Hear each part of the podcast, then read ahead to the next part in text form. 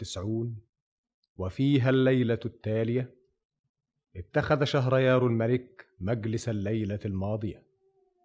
وما هي إلا لحظة أو تكاد حتى أقبلت شهرزاد. زهرة ناضرة أو فراشة حائرة أو خطرة عابرة. فأشرق المخدع بطلعتها وتنفس بأريج فتنتها. فقام الملك إليها وأخذ بيديها وأقبل عليها. شهرزاد. مولاي. وماذا بعد يا شهرزاد؟ وهل بعد الموت أبعد؟ أعرف يا شهرزاد ولكني ما زلت ظمآن. ظمآن لما أرتوي يا شهرزاد. ومتى ترتوي يا مولاي؟ إذا رويت يا شهرزاد. إنني أعرف أنك تمتاحين من عين سماوية لا ينضب ماؤها ولا يشاب صفاؤها. حسبك يا مولاي. وخيالك الدافق وصوتك الدافئ. يا لصوتك يا شهرزاد. إنك تثير غروري يا مولاي. بل أنت تحيرينني يا شهرزاد. هذه الليالي التي تملئينها وتلك الأخبار التي تقصينها بعض هذا يا مولاي. أأنت تنسجين خيوطها؟ أأنت تصنعين حوادثها وتخلقين شخوصها؟ إنه رداء لا أرتديه وشرف لا أدعيه. إذا فذاكرتك شيء عجيب يا شهرزاد. إنك تخجلني يا مولاي. أنا لست إلا جويرية من بعض جواريك وإذا كنت قد رفعتني إلى مقام التحدث إليك فهذا بعض أياديك. ولكنها إحدى لياليك يا شهرزاد. أمرك يا مولاه. إنها ليلة. ليلة واحدة. فلتكن ألف ليلة. وبعدها؟ دعي ما سيكون وخذي فيما هو كائن. ألست تريد قتلي يا مولاي؟ بلى لا ونعم أقصد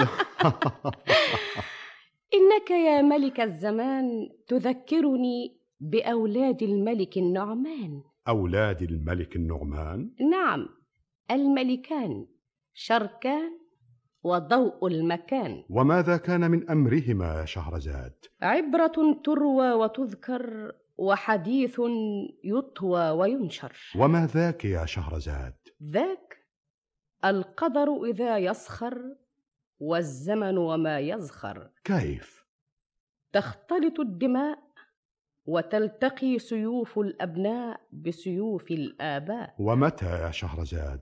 عندما تنتكس الحياة ويطلب الولد أباه عجبا ألا تزيدينني إيضاحا يا شهرزاد؟ وأقص عليك إن شئت يا مولاي. إذا فهات يا شهرزاد. حبا وكرامة.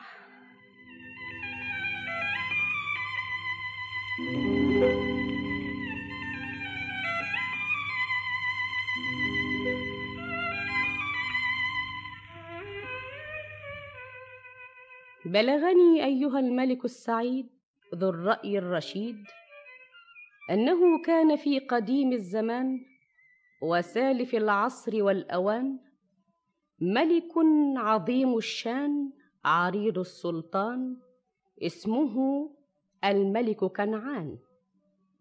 وكان لهذا الملك بنت اسمها عطرشان. كانت في جمالها آية وفي كمالها غاية ولم يرزق سواها من الأبناء. فكان يخاف عليها من الهواء. قالوا وكان يجاوره ملك مرهوب اسمه الملك حردوب. وكان في أرض هذا الملك معبد قديم يعظمونه غاية التعظيم.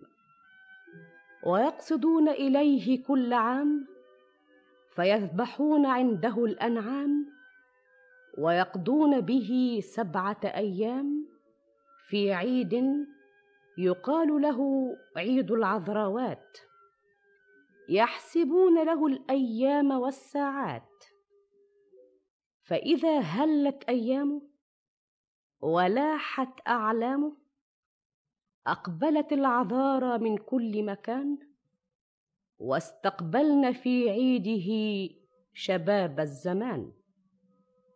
حتى إذا انتهى العيد سالت بالقوافل البيد ورجعت المواكب العذارى وهي تخترق الصحارى. وشاءت الظروف أن تقع الحرب بين الملكين ويكتوي بنارها الناس في البلدين. واستمرت الحرب بينهما سبع سنوات. وانقطع ما بين البلدين من العلاقات.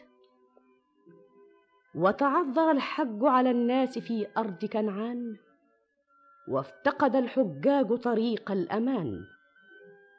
وأصبح الناس حيارى وكبر عليهم أن يتعطل عيد العذارة. وتحايلوا لذلك فسلكوا جميع المسالك. وصارت العذراوات يسافرن إلى هذا المعبد وهن متنكرات ويختلطن بغيرهن من البنات ثم يرجعن إلى أرض كنعان من غير أن يعرفهن إنسان. وأرادت الأميرة عطرشان أن تفعل ما تفعله العذارى في أرض كنعان واستأذنت أباها أن تسافر. لتؤدي هذه الشعائر. واطرق الملك يستمع لها حتى إذا فرغت من كلامها رفع رأسه إليها وأقبل عليها. عطرشان. لا ما تقوليش لا. وأنا أقدر أقول لك لا يا عطرشان. ده أنت النور الوحيد اللي بينور لي أيامي. بس يعني نتفاهم. نتفاهم في إيه؟ أنت ما تعرفيش إن لو قومت معاك الحرس اللازم هيعرفوكي ويقتلوا الحرس ويخطفوكي حرس إيه؟ بقول لك هسافر مع البنات وأخد معايا الوصايف. أنا قلبي خايف. كلنا هنبقى متنكرين وزي الحجاج لابسين. إزاي هيعرفونا لما يشوفونا؟ هو ده كلام ينقال. أمال. تسافري من غير رجال. دي الطريقة المأمونة. ما تبقيش مجنونة. انت ما تعرفيش اللي بيننا وبين الملك حردوب. عارفة. لو وقعت في ايده هنتعب وندوب. وايه اللي يوقعني؟ هو هيعرفني. وكمان هو ما بيتعرضش للحجاج. وما سمعناش انه اعتدى على حد هناك. قلبي ما يطوعنيش يا بنتي. انت اللي عاوز تميل بختي. البنات ما بتسافر كل سنة. البنات مش زيك يا عطرشان. أعمل زيهم وألبس لبسهم. ويبقى شكلي شكلهم واندس في وسطهم وأروح معاهم وارجع معاهم.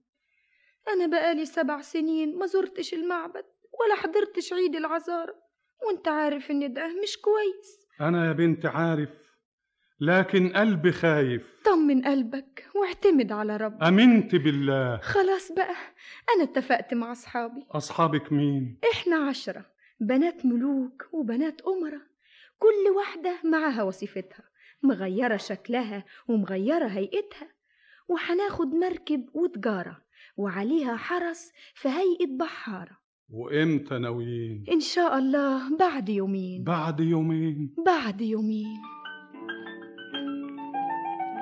مولانا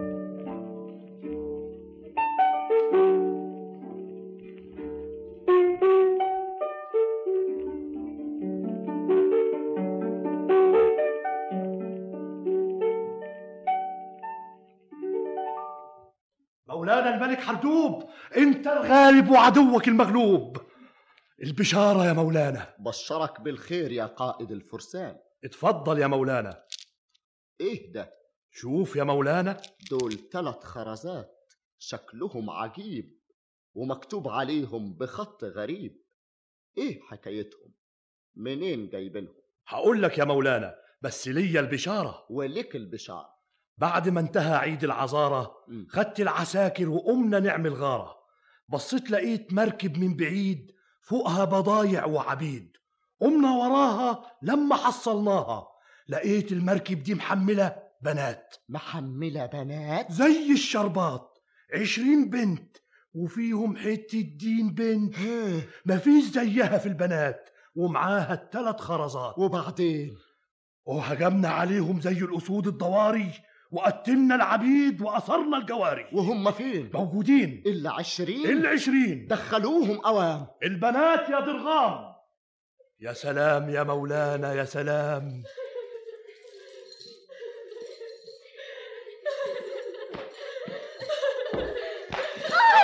بس ارمي الصوت من إيدك. ما شاء الله ما شاء الله.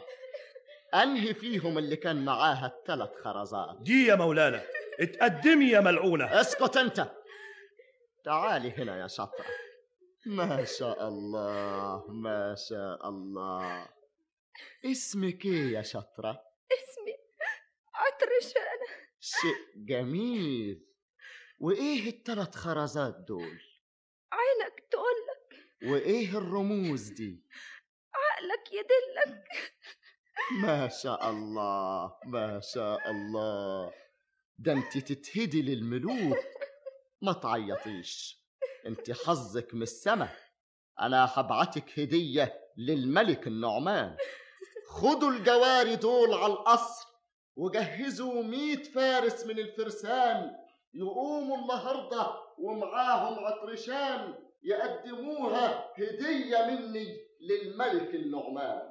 وقام الرجال ومعهم مكتوب من الملك حردوب.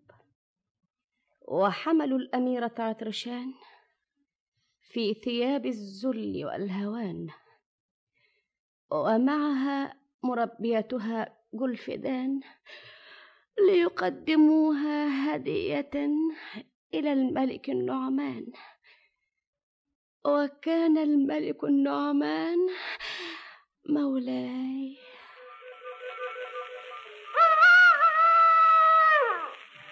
وهنا أدرك شهرزاد الصباح فسكتت عن الكلام المباح. وبهذا تنتهي الحلقة الثانية والتسعون من ليالي ألف ليلة يكتبها طاهر أبو فاشا ويخرجها محمد محمود شعبان. ولما كانت الحلقة الثالثة والتسعون وفيها الليلة التالية اتخذ شهريار الملك مجلس الليلة الماضية وأقبلت شهرزاد في نفس الميعاد فسلمت أحسن سلام وجعلت تستأنف الكلام.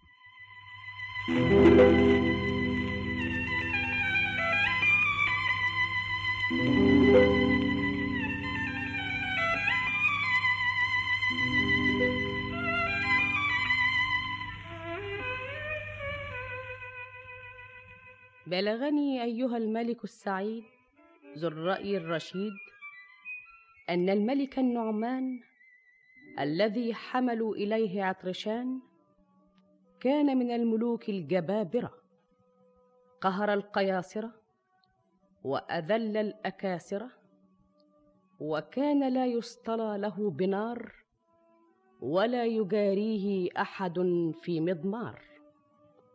وإذا غضب يخرج من منخريه لهيب النار.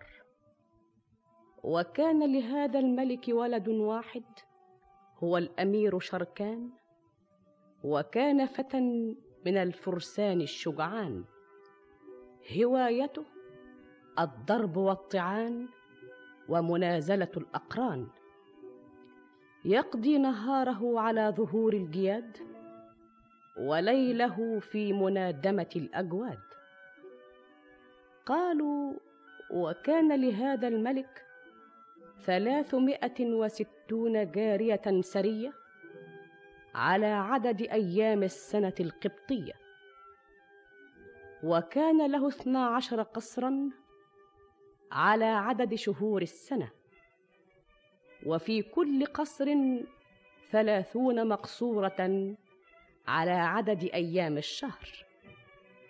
فجملة المقاصير ثلاثمائة وستون مقصورة. في كل مقصورة جارية. يبيت الملك عندها ليلة في كل سنة. فلما حملوا إليه الاميره اتخذها جارية أسيرة. وأفرد لها مقصورة وثيرة. ونعم بقربها وسعد بحبها ولم ينغص عليه سعادته ويرنق هناءته غير سحابة من الألم كانت تظلل محياها وتنبئ عن عمق حزنها وشدة اساها وكلما سألها الملك عن الأسباب تظاهرت بالضحك وراوغت في الجواب. لم يكن يعرف سرها غير مربيتها التي استاثرت معها وأبت مفارقتها.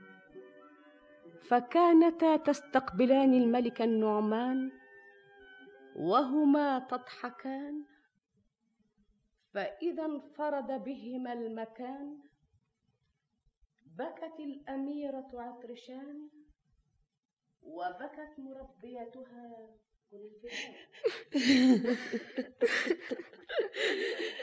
الصبر. الصبر يا مولاتي. مولاتك. أنا مش مولات حد. أنا جارية من الجواري. جارية. جارية. طولي بالك يا ستي. بكرة ربنا يبعت الفرج يا بنتي. خلاص يا دهنا ما تيأسيش يا عطرشان شد حيلك يا بنت الملوك. اوعي اليأس يغلبك. لو عرف الملك النعمان إنك بنت الملك كنعان هيشدد علينا الحراسة بالنهار وبالليل ويبقى هروبنا مستحيل. وهو إحنا هنهرب يا دادا. ما تضعفيش يا بنت الملوك. خلاص يا خالتي قول في ده. إيه هو اللي خلاص يا عطرشان خلاص ما عادش فيه هروب. منه لله الملك حردوه أنت أنت أنت بتقولي إيه؟ بقول اللي سمعتيه. ربنا عاوز كده. ما تشمتيش فينا العدا انت ما تعرفيش اللي بيا. انت في عينيا. أنا أنا حامل يا قول في ده إيه عطرشان حامل حامل. طب ما تعمليش في روحك كده. صحتك يا بنتي. فوقي لنفسك يا حبيبتي. مولاي الملك النعمان أنا اللي بعتاله. ادخل انت يا خالتي. إيه يا عطرشان؟ في إيه؟ أنا بعتالك يا مولاي عشان أقول لك. إيه؟ تقولي لي إيه؟ مفيش بس يعني. بس إيه؟ الله. أنت كنت بتعيطي ولا إيه؟ ده من شدة الفرح يا مولاي. الله يبشرك بالخير. في إيه؟ أنا آه، أنا. ما تقولي خايفة من إيه؟ الشجرة اللي رويتها يا مولانا. طرحت. الله الله الله الله. أنت قصدك تقولي أيوة يا مولانا. مبارك يا عطرشان الحمد لله اللي ربنا أكرمني وبسببك أنت أطعمني. اقعدي يا عطرشان ما تجهديش نفسك. يا مرجان. مولاي. رتبوا العطرشان الضيات وخدوها على كفوف الراحات. وارفعوا لي حالتها يوم بيوم لما ربنا ياخد بيدها ويتم المقسوم.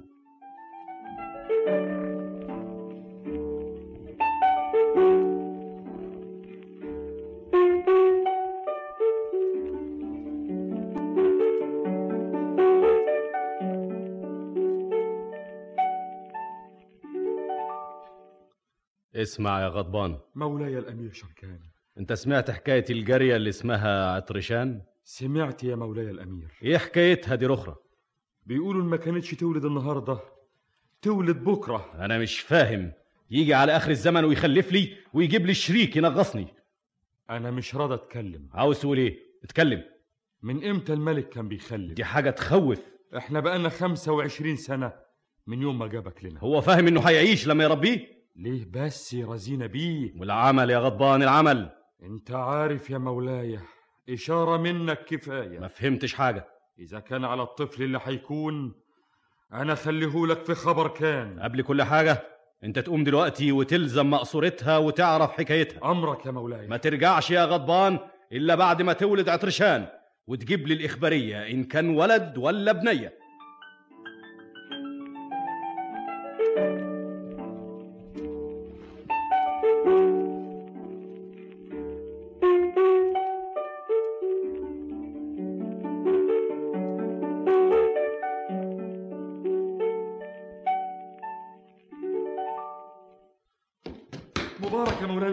إيه حصل إيه؟ جابت إيه؟ جابت بنية. أصل ربنا راضي عليا خد يا غضبان خد.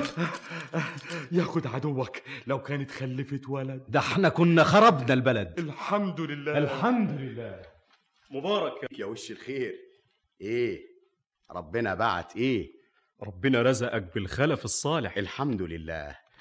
إحنا ما نمناش من ليلة امبارح. ولد ولا بنية؟ حلم مولانا عليا.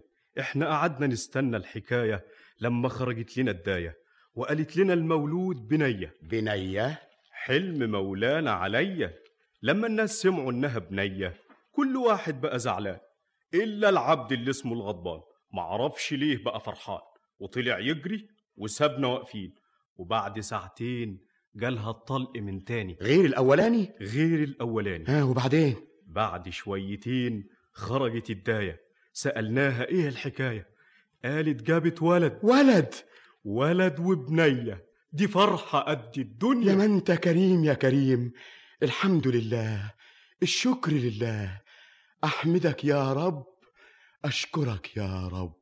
الوزير دندان. تعال يا دندان. إيه حكاية الرسل والهدايا اللي باعتها الملك كنعان؟ الملك كنعان واقع في حرب مع ملك قيسرية علشان إيه؟ الملك كنعان وجد في بعض فتوحاته كنز قديم من أيام الإسكندر وفيه ثلاث خرزات كل واحدة منقوش عليها بالقلم السرياني. والخرزات دي لها خواص ما يعلمهاش إلا ربنا. المهم طلع عليهم عساكر ملك قيسرية واستولوا على الكنز. وخدوا الخرزات وعشان كده قامت الحرب بينهم فبعت يستنجد بيك. وإيه اللي تشوفه يا دندان؟ الملك كنعان استجار بيك وبعت لك هدايا وانت قبلتها. فلو إحنا نجدناه هينسب النصر إليك ويبقى الفضل ليك. مم. يعني تشوف إن إحنا ندخل الحرب يا دندان؟ مفيش كلام. آه. ومين القائد يا دندان؟ مفيش غير ابنك البطل شركان. أنا موافق على رأيك يا دندان على إنك تكون مع شركان. تهديه بنصيحتك وتنفعه بمشورتك. أمر مولاي. جهزوا عشرين ألف فارس من الفوارس العوابس. وافتحوا الخزاين ونادوا في المداين. فين المشير؟ مولاي. نادي بالنفير في كل مكان. أمير الجيوش. ولد الأمير شركان. ودخل الأمير شركان على والده الملك النعمان فأوصاه بطاعة وزيره دندان وأصدر له الأوامر وجهز له العساكر ثم خرج في توديعهم وسار في تشييعهم. حتى غابوا عن الأنظار وابتلعتهم الفيافي والقفار. مولاي. وهنا أدرك شهرزاد الصباح فسكتت عن الكلام المباح. وبهذا تنتهي الحلقة الثالثة والتسعون من ليالي ألف ليلة يكتبها طاهر أبو فاشا ويخرجها محمد محمود شعبان. ولما كانت الحلقة الرابعة والتسعون وفيها الليلة التالية اتخذ شهريار الملك مجلس الليلة الماضية. وأقبلت شهرزاد في نفس الميعاد وجعلت تقص عليه ما وقع وتصل من الحديث ما انقطع.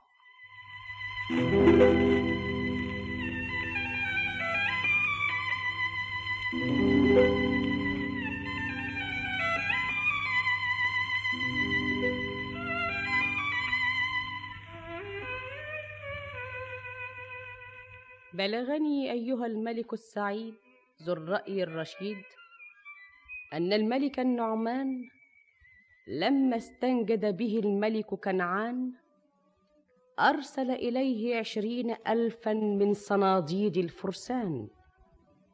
وأمر عليهم ولده الأمير شركان ومعه الوزير دندان. وسار الجيش بالليل والنهار يخترق الفيافي والقفار. حتى مر شهران وتعب الفرسان وأشرفوا على واد واسع الجنبات كثير الأشجار والنبات. فأمر شركان بضرب الخيام والنزول في هذا الوادي ثلاثة أيام. حتى يستعيدوا قواهم قبل أن يلاقوا عداهم. وأراد الأمير شركان أن يكتشف بنفسه هذا المكان فاصطحب الوزير دندان. وجعلا يضربان في هذا الوادي خوفا من مباغتة الأعادي. ولكنهما أوغلا في الصحراء.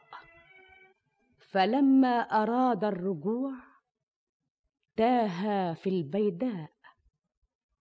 وضاعت محاولتهما سدى. وجعلا يسيران على غير هدى. حتى ولى النهار وزحفت جيوش الظلام وتكاثرت حولهما الأوهام. وظلا يسيران حتى تعب تحتهما الجوادان.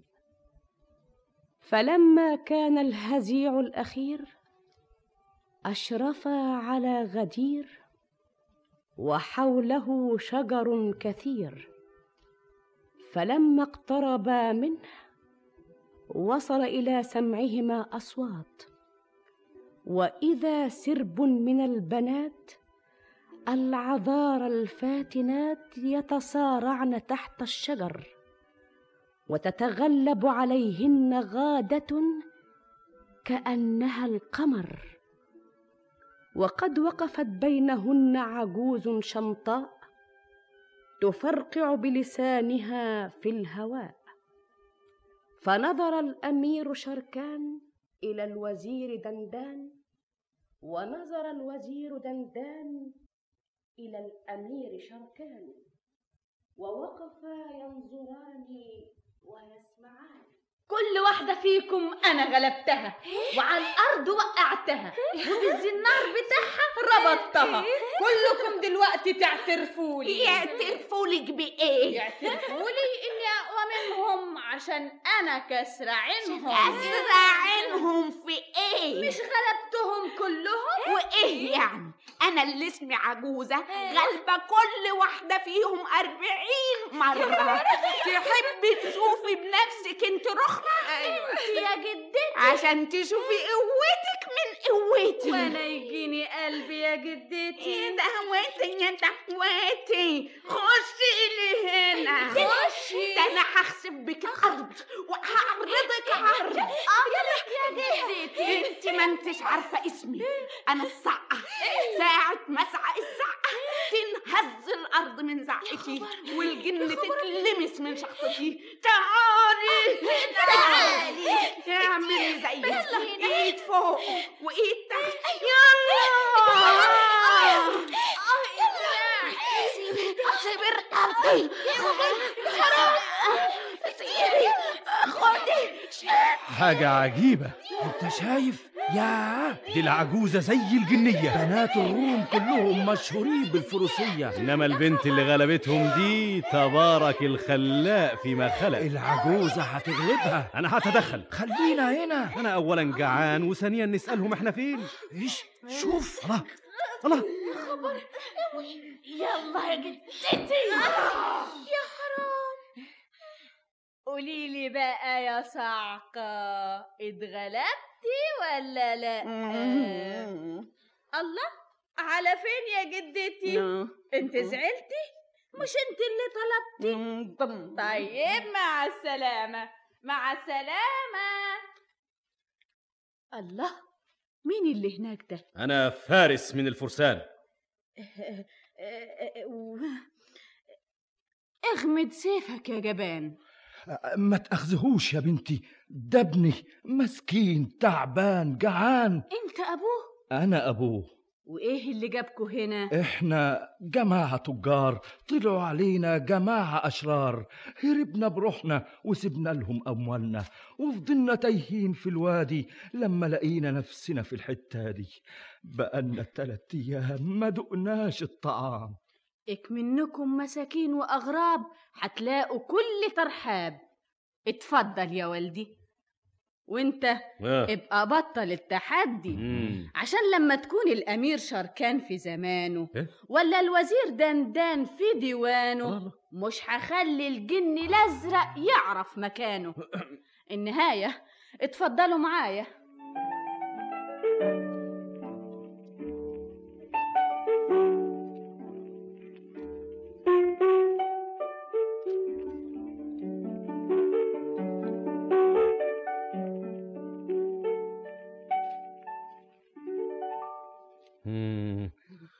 وبعدين يا دندان؟ يعدلها اللي ما يغفل ولا ينام. الجيش الوقتي حالته إزاي؟ بقالنا النهاردة تالت يوم. لما تيجي إبريزة دلوقتي أنا هكشف لها حقيقتي وأطلب منها تساعدني. تقول لهم على أسمائنا وإحنا في بلاد أعدائنا؟ أنا مش من رأيك يا مولاي الأمير. أمال بإيه تشير؟ قول لي أول يا أمير. إيه؟ أنت بتحب إبريزة. إيه؟ ما تخبيش عليا آه مش بحبها إنما يعني آه ببقى مسرور لما أكون جنبها. مم. فين التجار الاغراب آه جت اهي. هو هتكشف لها سرنا. أهلا أهلا وسهلا. أهلا بيك أنت. هو أنت التاجر؟ أيوه أنا التاجر. وأنت أبوه؟ أيوة أنا أبوه.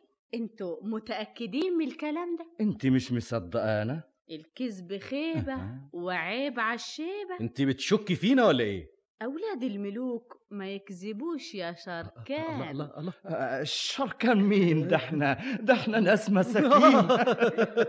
وأنت كمان الوزير دندان. الله الله الله كده ولا لأ يا شركان؟ إيش عرفك.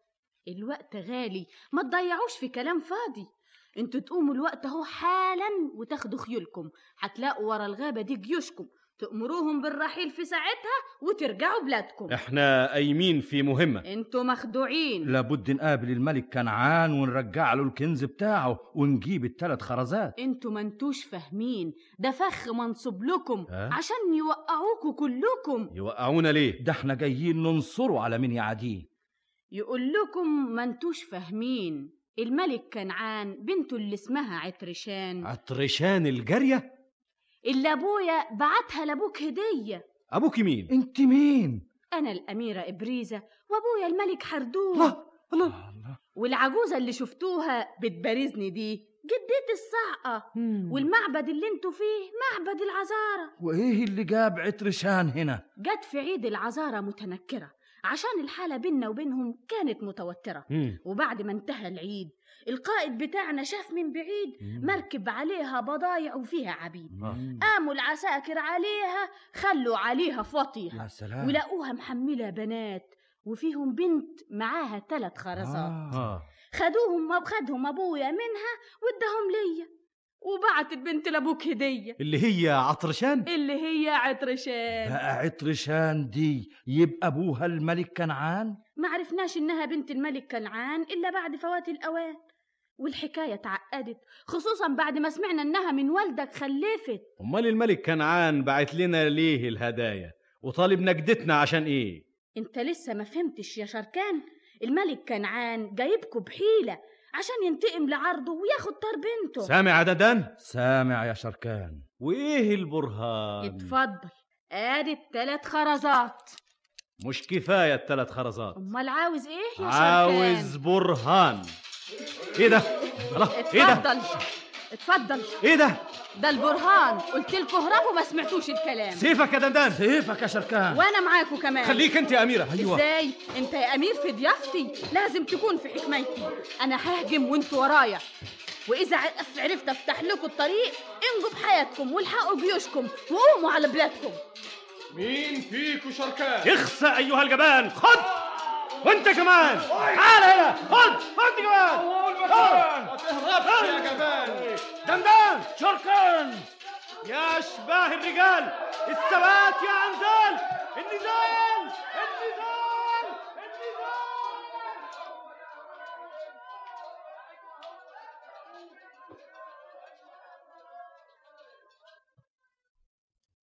وأسرع الأمير شركان والوزير دندان. فأدرك الجيش قبل أن يتحرك ورجع به قبل أن يقع في الشرك. فلما أشرفا على الأوطان أمر الأمير شركان فتقدمت الجيوش وتأخر هو في مئة من الفرسان ومعه الوزير دندان. وبينما هما يسيران. رأيا غبارا سد الآفاق وملأ الطباق فخاف الرفاق مولاي.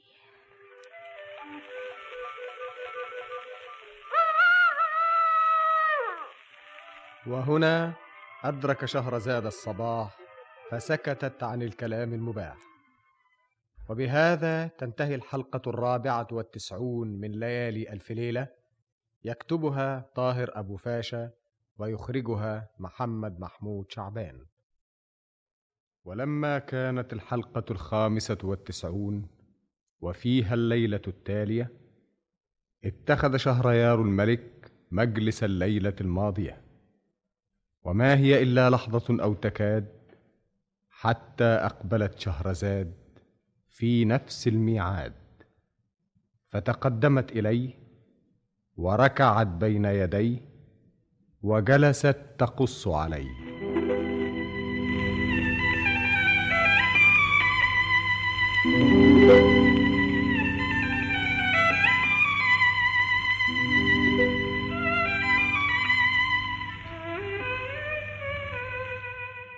بلغني أيها الملك السعيد ذو الرأي الرشيد أن الأمير شركان لما كشف حيلة الملك كنعان وأنقذ الجيش من الهلاك ورجع به قبل أن يقع في الشباك بواسطة الفارسة اللعوب إبريزة بنت الملك حردوب ربة السيف وربة الجمال قاهرة الأقيال ومذلة الرجال. فلم ينس لإبريزة يدها وفضلها وكيف عادت من أجله أباها وحاربت أهلها. فلما اقترب الأمير من بلاده أمر أن تتقدمه طلائع أجناده. وتأخر الأمير شركان في مئة من الفرسان ومعه الوزير دندان. وفجأة ارتفع غبار سد الآفاق وملأ الطباق وانجلى عن مئة فارس من الفرسان العوابس في الحديد غواطس. فتصايح الفريقان وتقابل الجمعان والتقت السيوف بالسيوف ونادى منادي الحتوف واستحر القتال واصطدمت الجبال بالجبال واستمروا على هذه الحال ثمانية أيام وسبع ليال. حتى ملت الرجال وكلت الأبطال وأسر عشرون من رجال شركان ولم يقتل في هذه المعركة إنسان. فتعجب الأمير وقال للوزير عجبا لهؤلاء الأعداء. يتعمدون ألا يريقوا الدماء فهم يأسرون الرجال ولا يقتلون وإذا انكشفت لهم مقاتلنا لا يضربون. وسوف أطلب فارسهم للنزال وأعلمه فنون القتال وكيف تكون الرجال. فلما أصبح الصباح وبان نوره ولاح اصطف الرجال وتهيأوا للقتال. وعندئذ برز الأمير شركان إلى وسط الميدان وصال وجال ورفع صوته وقال هل من مبارز؟ هل من مناجز؟ النهارده يوم الهزاهر أنا اللي زليت الأبطال. أنا اللي يتمت الأطفال. أنا فارس الميدان. أنا شركان ابن الملك النعمان. ورتك نفسك يا شركان وخدعتك الدنيا والدنيا ملهاش أمان. أنت أنت ما انتش قرني. روح يا ابني خليهم يبعتوا لي الفارس اللي فيهم ينزل لي.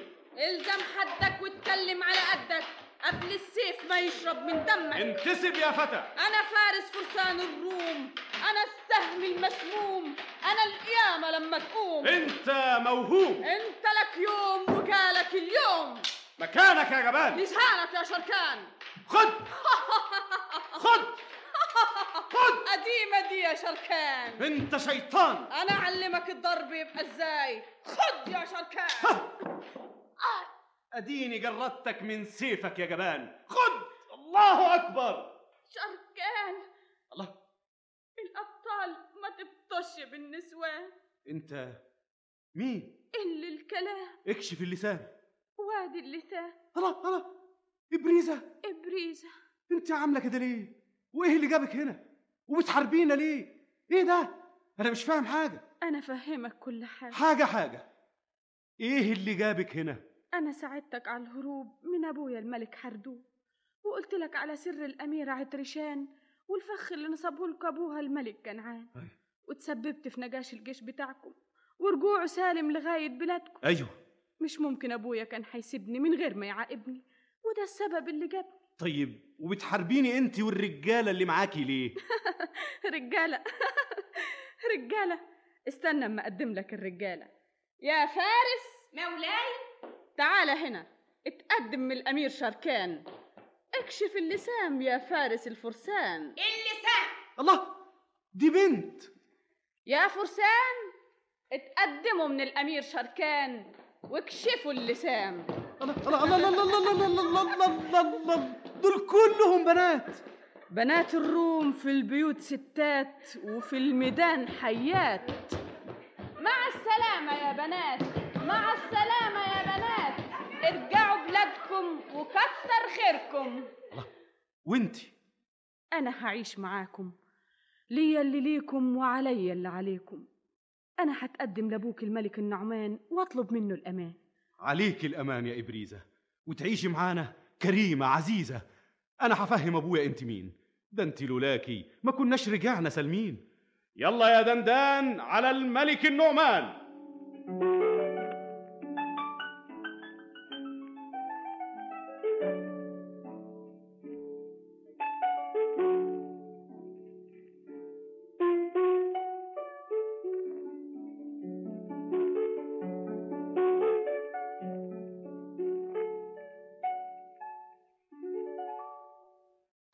يا شركان.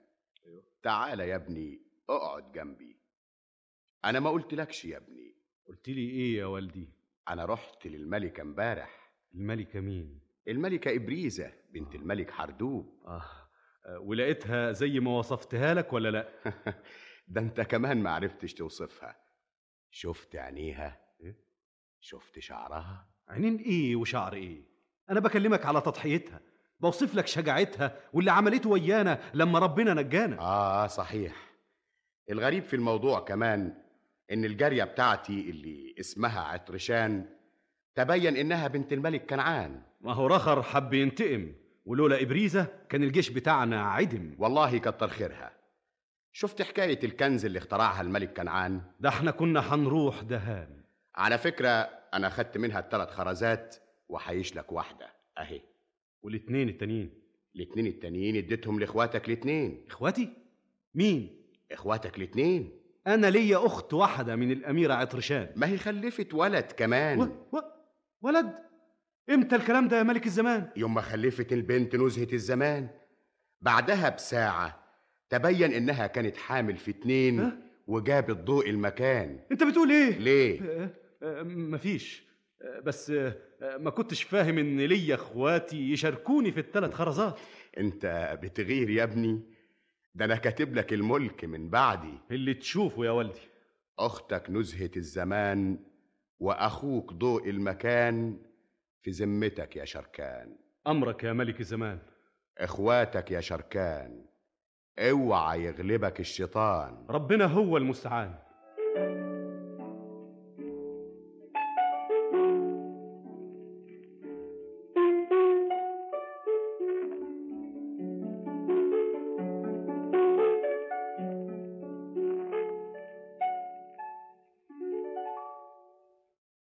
ازيك دلوقتي يا إبريزة؟ الحمد لله. عاوزاش حاجة؟ ناقصكيش حاجة ولا محتاجة ولا؟ ده فضل منك لما تسألني وتتنازل وتيجي بنفسك تزورني. يا سلام يا إبريزة. أنت ما تعرفيش قد إيه أنت غالية وعزيزة. ربنا يعز مقامك ويطول في السعادة أيامك. اوعي تكوني بتتضايقي من زيارتي. وهو أنا ليا حق أتضايق؟ اللي زيي ما يتضايقوش يا مولاي. ما تقوليش كده يا إبريزة. أنا على كل حال بحس إني بين أهلي تمام. مفيش كلام. إبريزة. مولاي. عاوز أقول لك حاجة. إيه؟ مفيش ليه؟ ما أنت ما بتشجعينيش.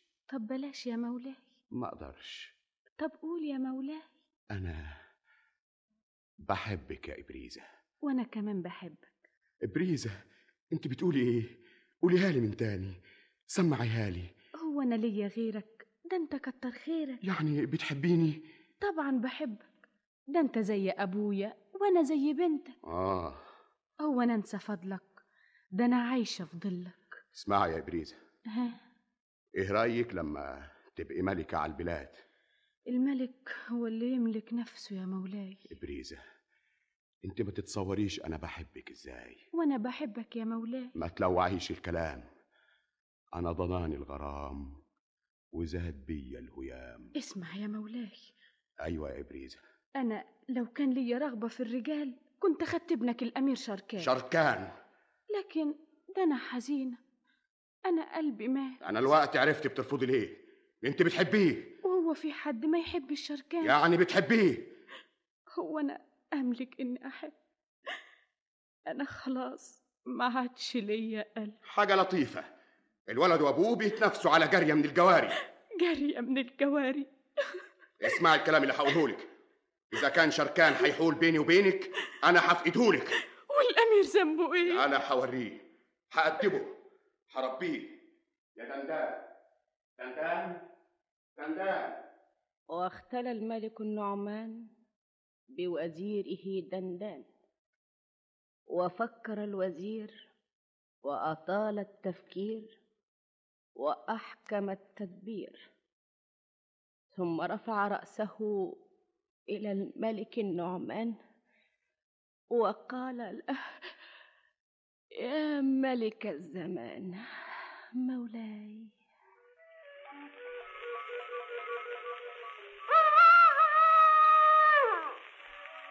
وهنا أدرك شهرزاد الصباح فسكتت عن الكلام المباح.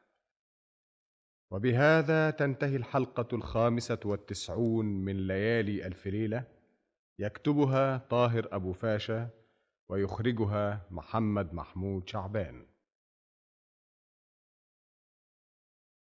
ولما كانت الحلقة السادسة والتسعون وفيها الليلة التالية اتخذ شهريار الملك مجلس الليلة الماضية وأقبلت شهرزاد في نفس الميعاد فجعلت تقص عليه ما وقع وتصل من الحديث ما انقطع.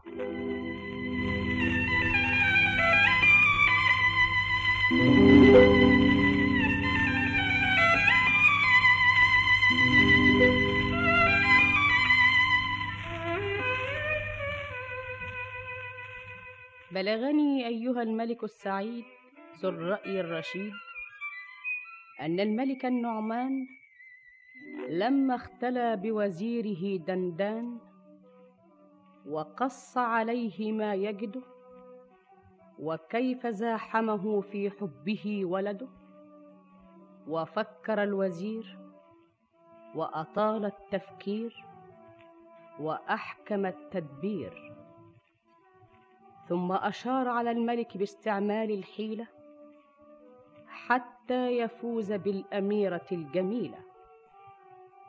ونصح له بإبعاد ولده شركان وتوليته إمارة بعض البلدان حتى ينشغل بالملك عن هواه ولا ينافس أباه ويتم للملك ما يتمناه. ورسم له الخطة وبدأ الملك في تنفيذها نقطة نقطة. فأرسل يستدعي ولده الأمير شركان. فلما دخل عليه الديوان التفت إليه الملك النعمان. شركان. مولاي. تعال يا ابني أنا ليا معاك كلام. خيرا. إن شاء الله خير. ها قل لي يا شركان. أيوة. إيه رأيك في بلاد المرجان؟ رأيي إيه يا ملك الزمان؟ اسمع يا شركان. أنا يا ابني بقيت كبير. رجلي برة ورجلي جوة. أنا عاوز أسيب لك الملك وأنا مطمئن. علشان كده عاوز أمرنك على الحكم وأعلمك سياسة الرعية. فرأيت إني أديك ولاية بلاد المرجان. بلاد المرجان؟ آه. إيه رأيك يا شركان؟ وده اقتراح بتخيرني فيه ولا أمر بتأمرني بيه؟ والله تقدر تعتبره اقتراح وتقدر تعتبره أمر. إذا كان اقتراح أنا كده مرتاح. وإذا كان أمر؟ الأمر لصاحب الأمر. يعني إيه؟ يعني مش هسأل فيه. أنت بتقول إيه؟ أنا عارف أنت بتعمل كده ليه. ليه؟ عشان يخلالك الجو مع إبريزة لكن أنت واهم. أخرس قليل الأدب. إبريزة مش لك ولا أنت لها. إبريزة جارية من الجواري أنت ما أنتش داري. حتة جارية لا طلعت ولا نزلت. والجارية دي مين اللي باعها لك؟ وأنت مالك؟ إبريزة ما هياش جارية هنا. دي ضيفة عندنا وهي بتحبني وأنا بحبها. مالكش شأن بها. إزاي ماليش شأن بيها؟ طيب أنا حخليك تطيب من حبها. حسان. مولاي. خدوا الولد ده من قدامي احبسوه في سجن النخاسة أه؟ وشددوا عليه الحراسة. أنت عاوز تاخد زمانك وزمن غيرك؟ اسحبوه احبسوه. احبسني اقتلني انما مش هتملك قلبها ولا تتمتع بحبها! انت ظالم! انت جبار! جبار!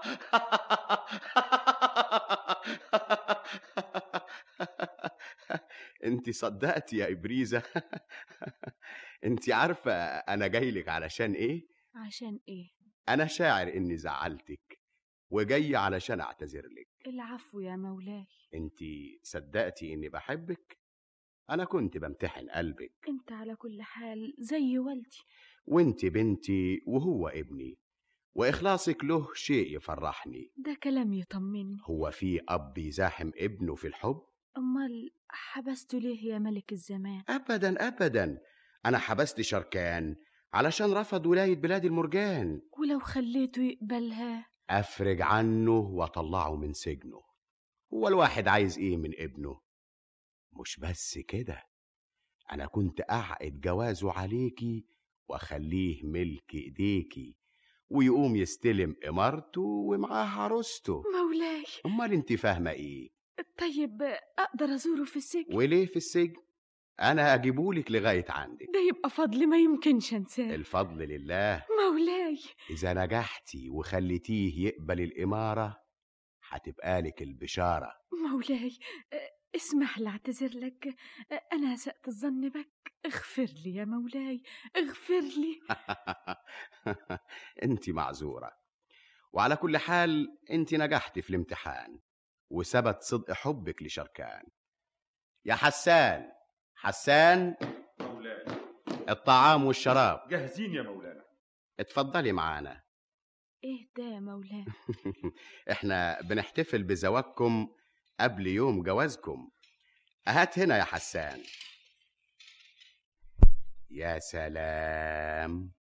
شوفي لون المدام.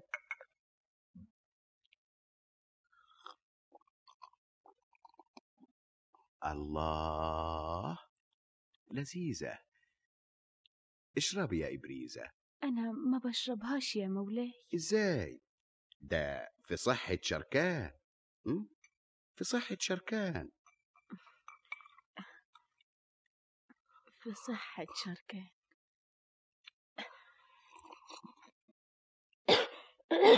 كاسك يا إبريزة. كاسك يا إبريزة. كفاية يا مولانا؟ كاس في صحة شركان. وكاس في صحة أبو شركان.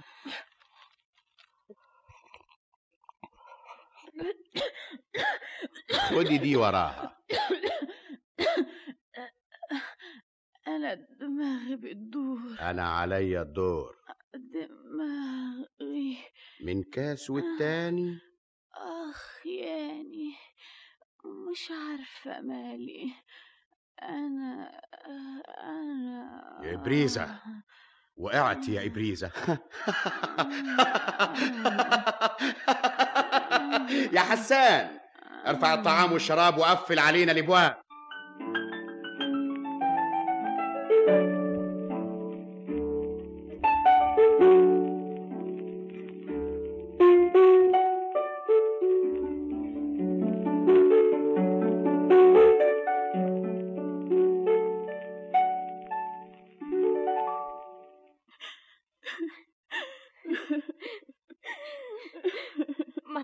تعيطيش يا ستي؟ ربنا هو المنتقم خدعني الوحش حط لي بنج وبنجني. وسقاني لما فقدت رشدي. آه يا وعدي. الصبر يا مولاتي. لولا الجنين اللي في بطني كنت موتت نفسي. تموتي نفسك.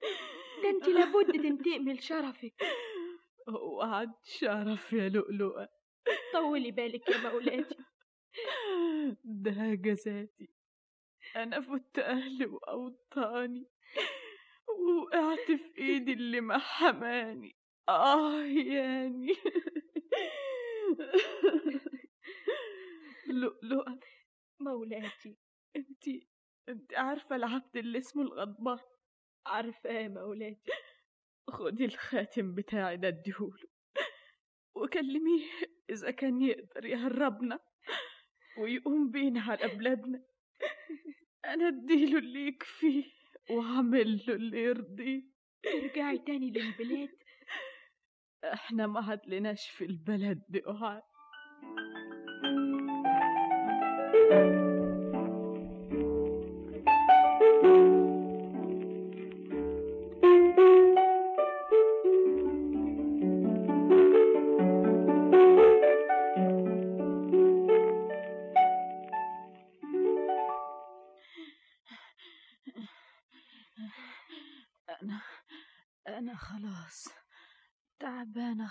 خالص يا لؤلؤة. مالكيش حق تسافري وانت كده. ما كنتش أعرف إن حاولت في الطريق. آه. آه. التعب محتمل. لكن العبد اللي ويانا وعمايله معانا آه. آه إزاي الحالة دلوقت؟ لسه تعبانة يا غضبان تسمحي تخرجي انت برا؟ إزاي؟ بقول لك اخرجي برا. أنت لسه عاوز حاجة يا غضبان. أيوه. أمال إيه؟ أنت خدت الصيغة اللي معانا وما عادش حاجة ويانا. لسه عاوز إيه؟ عاوز إيه؟ عاوزك أنت يا إبريزة. أنت بتقول إيه؟ بقول عاوزك أنت يا إبريزة.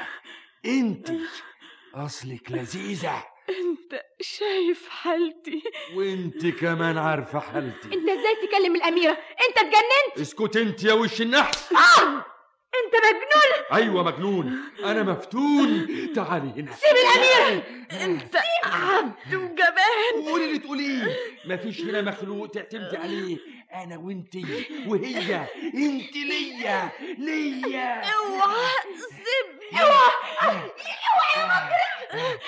كمان العبد طمعا فيا.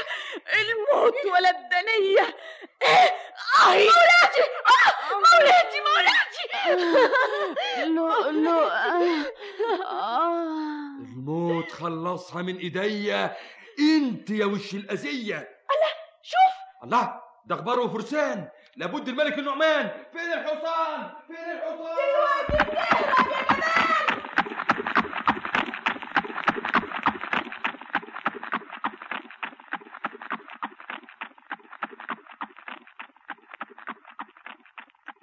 وانجلى الغبار الذي ملأ القفار فإذا الملك حردوب على رأس جيشه المرهوب.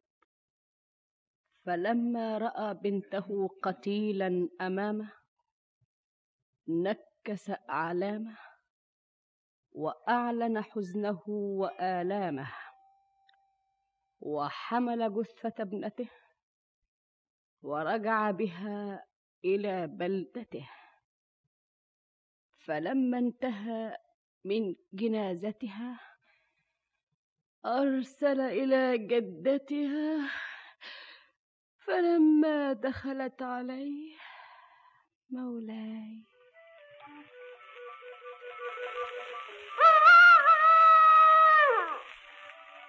وهنا أدرك شهرزاد الصباح فسكتت عن الكلام المباح.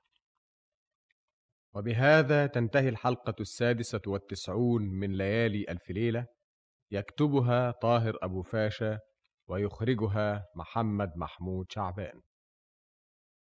ولما كانت الحلقة السابعة والتسعون وفيها الليلة التالية اتخذ شهريار الملك مجلس الليلة الماضية. وأقبلت شهرزاد في نفس الميعاد فقام الملك إليها وأخذ بيديها وأجلسها في أعز مكان وجعلت تقص عليه ما جرى وتروي له ما كان.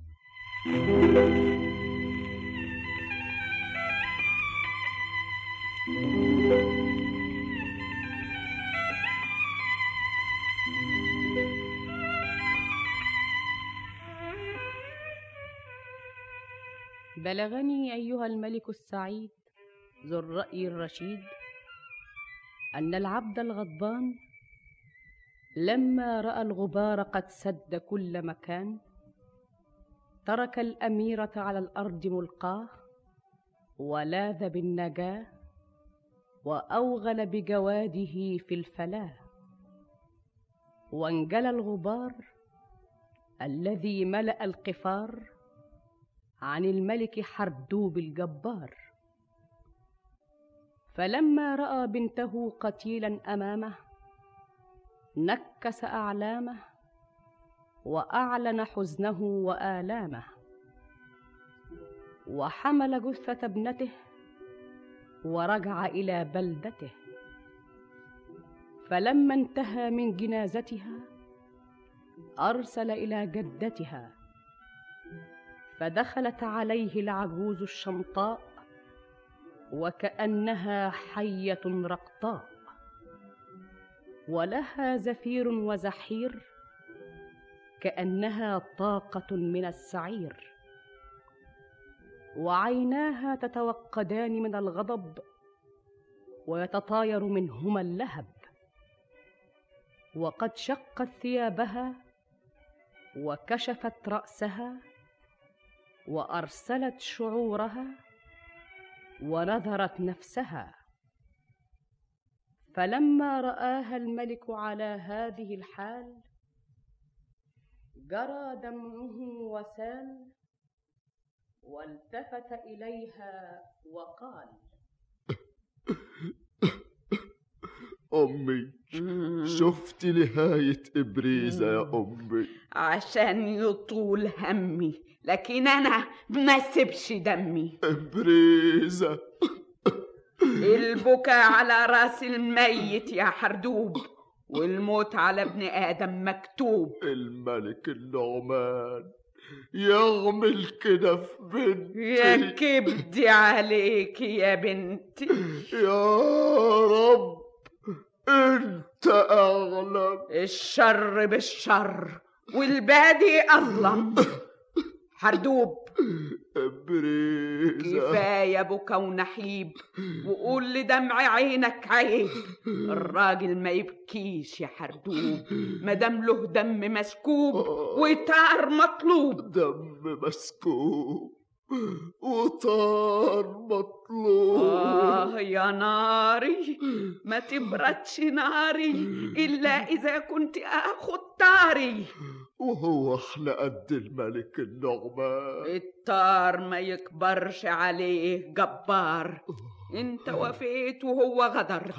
دم الأميرة مش ممكن يروح هدر واللي ما تقدرش على قوته بالحيلة تقدر تموته. انت على كل حال قدها انت أم الحيل والدهى دي مسألة بدها.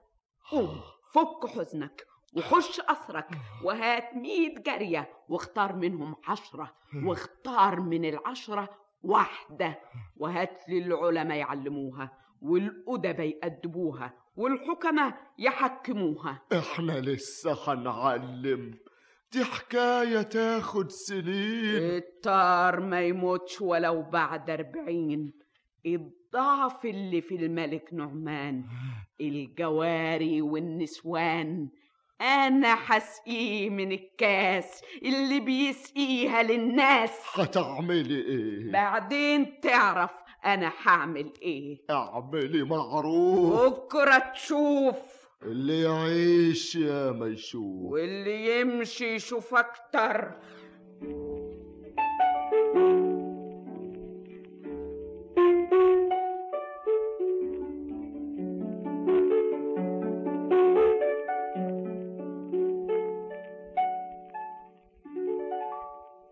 تعال يا شركان. انت طبعا سمعت اللي جرى. وعرفت اللي كان. واللي قال لك الوزير دندان؟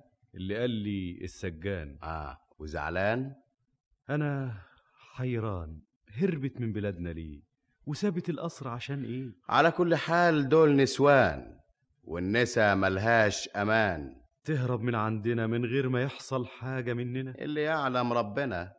وليه ما قومتش وراها العسكر؟ بعت وراها العيون والعسكر. شهرين طوال نفتش وندور. إبريزة. فضك بقى من سيرة إبريزة. واحدة ما فيش فيها أي ميزة. لو كانت بتحبك حب متين ما كانتش هربت وسابتك سجين. ما هو ده اللي محيرني. أنت كنت مخدوع يا ابني. إبريزة تخدعني. لا ومن عمى قلبك فهمت إني بنفسك في حبك. أنا غلطان يا والدي. سامحني. اغفر لي. انهض يا شركان. قوم يا ابني. مسامحني. ربنا يسامحك ويسامحني. إيدك يا والدي. ربنا يرضى عليك يا ابني. في حاجة كمان. إيه يا شركان؟ أنت كنت طلبت مني اخد إمارة بلاد المرجان. ما أنت رفضت؟ أنا النهاردة قبلت. لكن أنا صرفت نظر عنها. دي حاجة لابد منها. أنا رجيك أعيش في بلد ماليش فيها شريك. إخواتك يعني اللي ما شفتهمش ولا حتى عرفت اسمهم؟ الزمان هيعرفني بهم. آه. وإيه كمان؟ أنا ملياش إلا طلب واحد يا ملك الزمان. إيه يا شركان؟ إمارة بلاد المرجان. اطلب حاجة تانية يا شركان. وتنولها لي؟ وأنولها لك. ها إيه هي يا شركان؟ إمارة بلاد المرجان. أنا حنولك مشتهاك علشان تنسى حبك وتسلى هواك. ارفعوا الأمير شركان إلى إمارة بلاد المرجان. صباح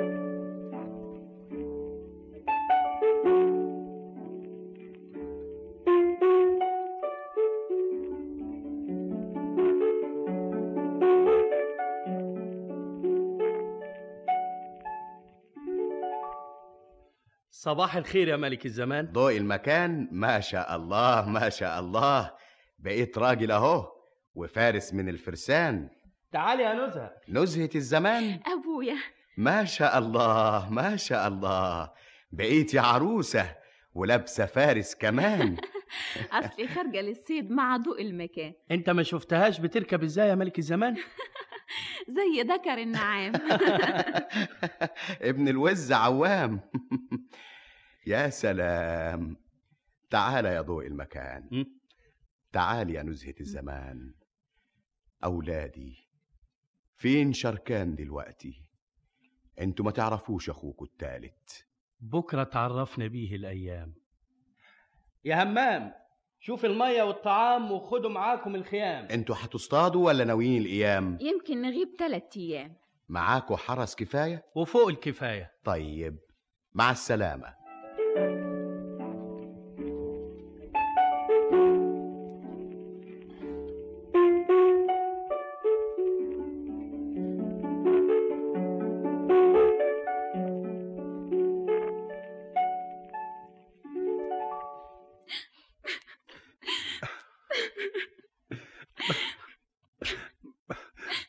يا نزهة الزمان؟ أنا عطشانة يا ضوء المكان. أنا كمان عطشان. بقالنا يومين على دي الحالة. من ساعة ما جرينا ورا الغزالة. الصحراء دي ملهاش نهاية. أغراب تايهين في الصحراء ماشيين بقالنا يومين. زمانهم بيفتشوا علينا. وهم هيعرفوا يلاقونا. رمال وراها رمال. وتلال وجبال. أنا عطشان.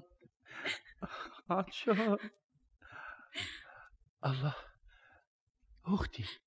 أخويا. أنت ما أنت شايفة ولا إيه؟ الله قافلة ماشية. ده الحرس اللي معانا. مش بقولك زمانهم بيفتشوا علينا هم يقدروا يسيبونا. أما أقوم أشاور لهم عشان يشوفونا. قومي شاوري معايا. جاي! جاي جاي. أهم شافونا. جايين علينا. الحمد لله. الحمد لله على السلامة نزهة الزمان. الله يسلمك يا ضوء المكان. الله. أختي. ضوء المكان. أنت مش ملاحظة يا نزهة الزمان. شوفي الجمال شكلها إيه.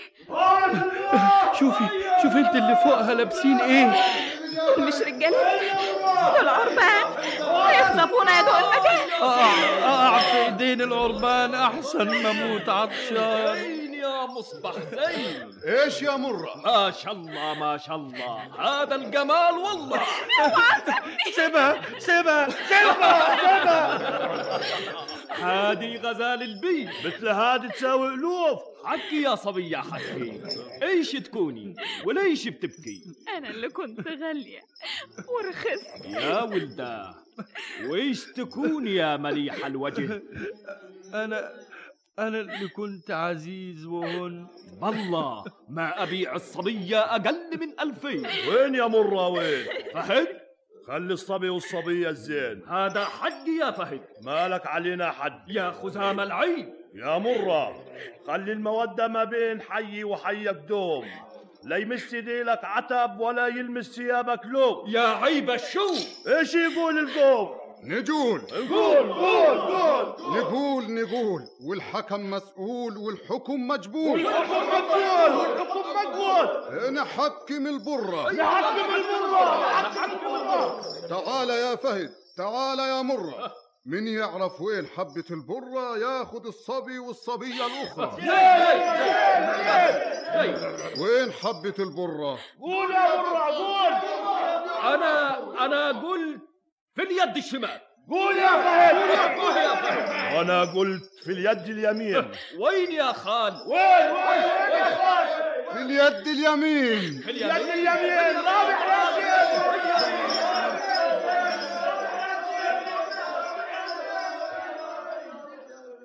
وكسب فهد الرهان وأخذ نزهة الزمان وأخاها ضوء المكان. ليبيعهما بأغلى الأثمان وسافر بهما إلى بلد بعيد ليعرضهما في سوق العبيد. مولاي.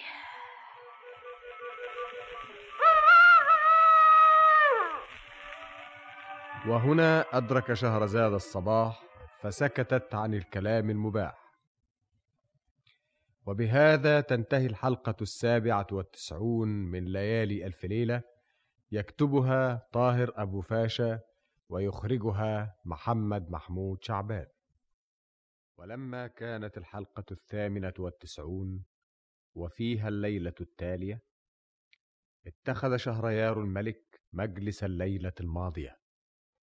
وأقبلت شهرزاد في نفس الميعاد فأحسن الملك استقبالها وحيا جمالها وأجلسها في مكان القبول وجعل يصغي لها وهي تقول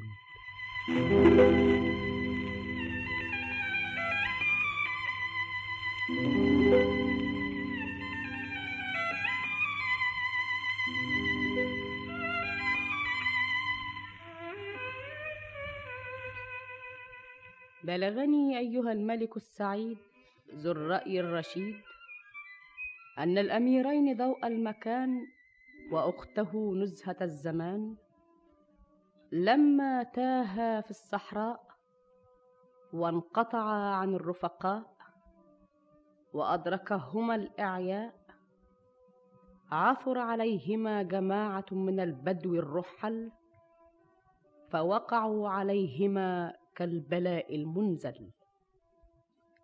وانقسموا إلى فريقين كل فريق يريد أن يظفر بالأميرين. واحتكم القوم إلى شيخ ربعة فأجرى بينهما قرعة. وفاز أحدهم بالرهان وأخذ نزهة الزمان وأخاها ضوء المكان. ليبيعهما بأغلى الأثمان. وسافر بهما إلى بلد بعيد ليعرضهما في سوق العبيد. ولكن حدث ما لم يكن في الحسبان فقد مرض الأمير ضوء المكان وضاق بمرضه مولاه ومل من تمريضه وبخل بدواه. فحمله تحت جنح الظلام وذهب به إلى موقد حمام. وبسمل الرجل ورماه وفوق الزبالة ألقاه. وكان في هذه المدينة رجل زبال رقيق الحال يقم القمامة ويلم الزبالة. ويبيعها للوقادين والحثالة ويطعم من ثمنها عياله.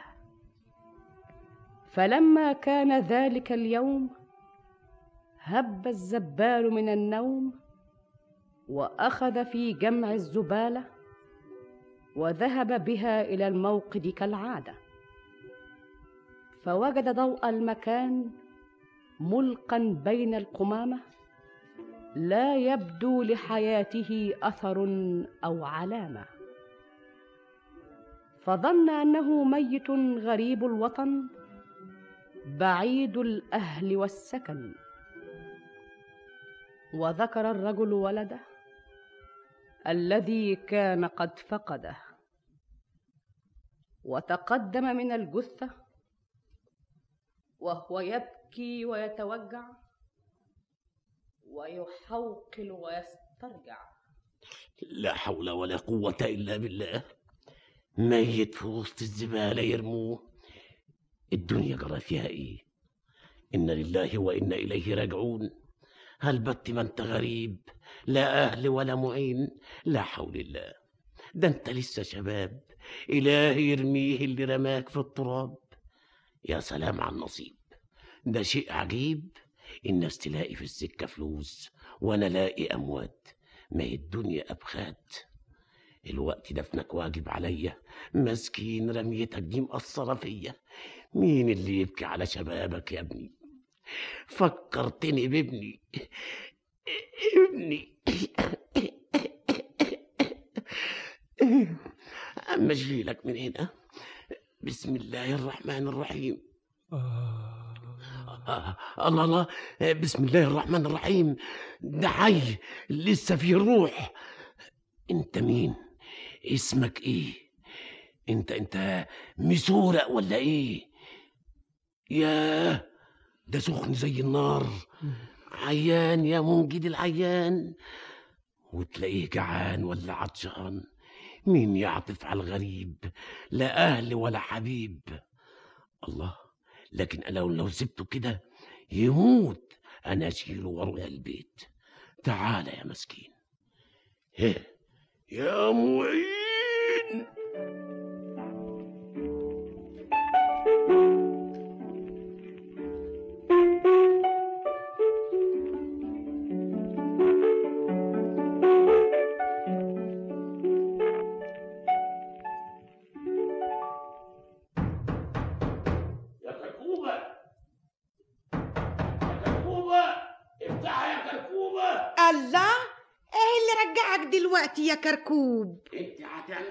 لي مصير ما تفتحي أول. اتفضل اتفضل يا سيدي الزبالين. إيه اللي انت شايله ده؟ ده ده جدع غلبان. وشايله ليه أصله عيان اسندي معايا. ها، بشويش عليه. وجايبه هنا ليه؟ ما انت شايفه حالته إيه؟ وانت عامل طبيب. اصله وحداني وغريب. وش عرفك لقيته مرمي في وسط الزبالة. في وسط الزبالة؟ لو كان له حد هنا ما كانوا سابوه مرمي كده. وانت قادر تقوم بطنك. لما جايب لي حمل فوق حملك. هو أنا اللي برزقه يا ولية. ده رزق ربنا. قسمهوله وهو اللي هيبعتهوله. وهو يقدر على العيشة دي مالها العيشة دي؟ واحد زبال زي قد الدنيا وعمال يجري عليكي ومش مالي عينيكي؟ انت ليه بتسمعني كلام زي الطوب؟ هو أنا بطرانة يا كركوب. وتبطلي ليه يا كركوبة؟ هو إحنا محتاجين. الحمد لله. بس تعيش لي انت يا سيدي الزبالين. مسكين. شوف ماله يا كركوب. ناولين الكوز يا كركوبة حاجة غريبة. أنت إيه؟ ابن ملوك ولا مملوك؟ المية يا كركوب. المية. آه، آه، شوف يا كركوبة لكن ده باين عليه القيمة. مش شبه المرحوم يا كركوبة العين والجبين وخده. لو كان المرحوم عايش مش كان زمانه قده. بيتهيألي ان هو. يا حبيبي يا ابني. اسم الله عليك وحواليك. ناولني المخدة يا كركوبة ما أحطها وراك. اسم الله اسم الله. خد المخدة كركوبة. تعرفش تروح للعطار وتسأله على وصفة نعملها له ولا حاجة نسقيها له؟ أنا كنت رايح من نفسي. طب يلا امال بس ما أنا تتأخرش بس عاوز أطمن قبل ما أمشي. ربنا يطمنا عليه اتوصي بيه اعتبريه ابننا وربنا رجعه لنا النهاية قوم اقفل الباب ورايا. أنا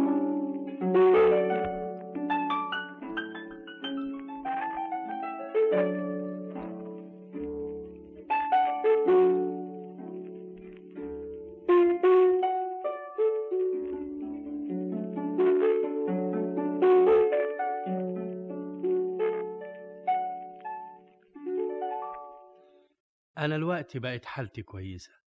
أقدر أمشي يا عمي. تمشي؟ إزاي يا ابني؟ أنت زهقت مننا؟ ده أنت زي ابننا. كتر خيركم. أنتوا عملتوا اللي في طاقتكم. تبقى زهقت من عيشتنا. مش عاجبك حالتنا. بالعكس يا عمي أنت مش فاهمني. أنت لغاية النهاردة بقالك معانا شهرين. مش راضي تعرفنا أنت مين وأهلك وبلادك فين. بعدين بعدين. طيب طيب على مزاجك. بس ما تسيبناش. ما يمكننيش. ليه؟ ورايا طير بدور عليه. طير إيه؟ أنت بتحب يا ضول المكان؟ أيوة بحب يا عمي. مين يا ابني؟ أختي. أختك؟ نزهة الزمان. مالها؟ خطفوها. خطفوها؟ اللي هم مين؟ يا ريتني كنت أعرف مين. أمال هتفتش عليها فين؟ اللي يسأل ما يتوهش يا عمي. وتسيبنا يا ابني. غصب عني. أنا مش هنسى جميلكم ولا هنسى معروفكم. أنت بتقول إيه يا ابني عمي أنا تعبان يا عمي. أنا مجروح. أختي أختي. آه، طب قول لي أنت عاوز تفتش عليها فين؟ مش عارف يا عمي. وهتروح فين؟ برضه مش عارف يا عمي. مفيش أي إشارة ولا أي علامة؟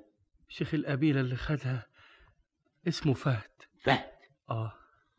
مفيش أي علامة تانية؟ يا ريت يا عمي. طيب طيب يا ابني بس ليه يا رجاء؟ ده أنت تؤمر يا عمي. عاوزك تستنى معانا أسبوع. أسبوع؟ انت صبرت كتير. اصبر القليل. الصبر جميل. دول سبعة أيام. وبعد السبعة أيام؟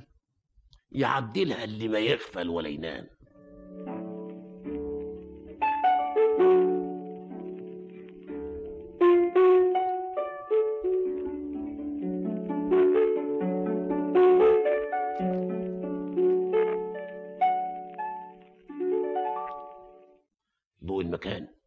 يا ضوء المكان عمي. تعال يا ابني أنا جايب لك أخبار. أخبار إيه يا عمي؟ أخبار كويسة يا ابني. ربنا يبشرك بالخير. إيه؟ عرفت لك ال- البدو اللي خطفوا نزهة الزمان. أختي. مش قلت لك طول بالك أسبوع. وعرفت مكانهم؟ عرفت مكانهم. فين يا عمي؟ فين؟ قدامك سفر شهرين. بس قول لي فين. ما أقدرش أقول لك لكن أقدر أدلك. بس إيه قصدك؟ ما تتعبش نفسك. انت من غيرنا ما تمشيش وإحنا من غيرك ما نقدرش نعيش. أنا عرفت المكان ومخليه سر في قلبي علشان تحتاج لي وتضطر تاخدني. أنا سمعت بتقولوا إيه وأنا معاكوا يا كركوب. وإحنا نسيبك يا كركوبه بس يا عمي تسيبوا البلد. وإحنا لنا إيه في البلد؟ الا مال ولا ولد. يلا يلا يلا يا ضوء المكان. ربنا يا ابني يلم شملك ويرجعك لأهلك. يلا يا كركوبة. أنا اتدبقت على الكوبة قدامي سفر طويل وربنا هو المعين وخرج الثلاثة في الحال الأمير وكركوبة وزوجها الزبال. وظلوا يسيرون وعلى ظهر الركوبة يتبادلون. حتى مر عليهم شهران وتململ ضوء المكان. وفجأة صاحت كركوبة وإذا خيام على البعد منصوبة. فأسرع الثلاثة إليها وإذا مولاي.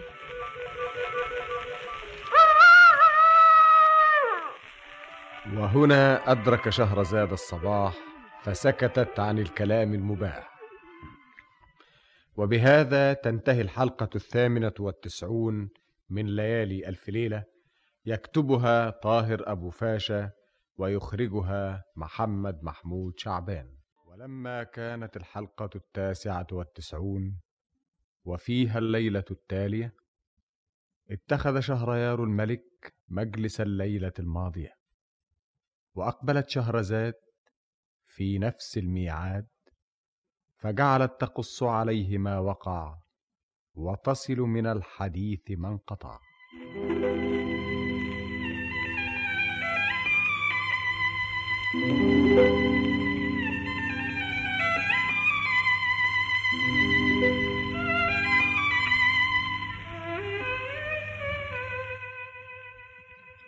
بلغني أيها الملك السعيد ذو الرأي الرشيد.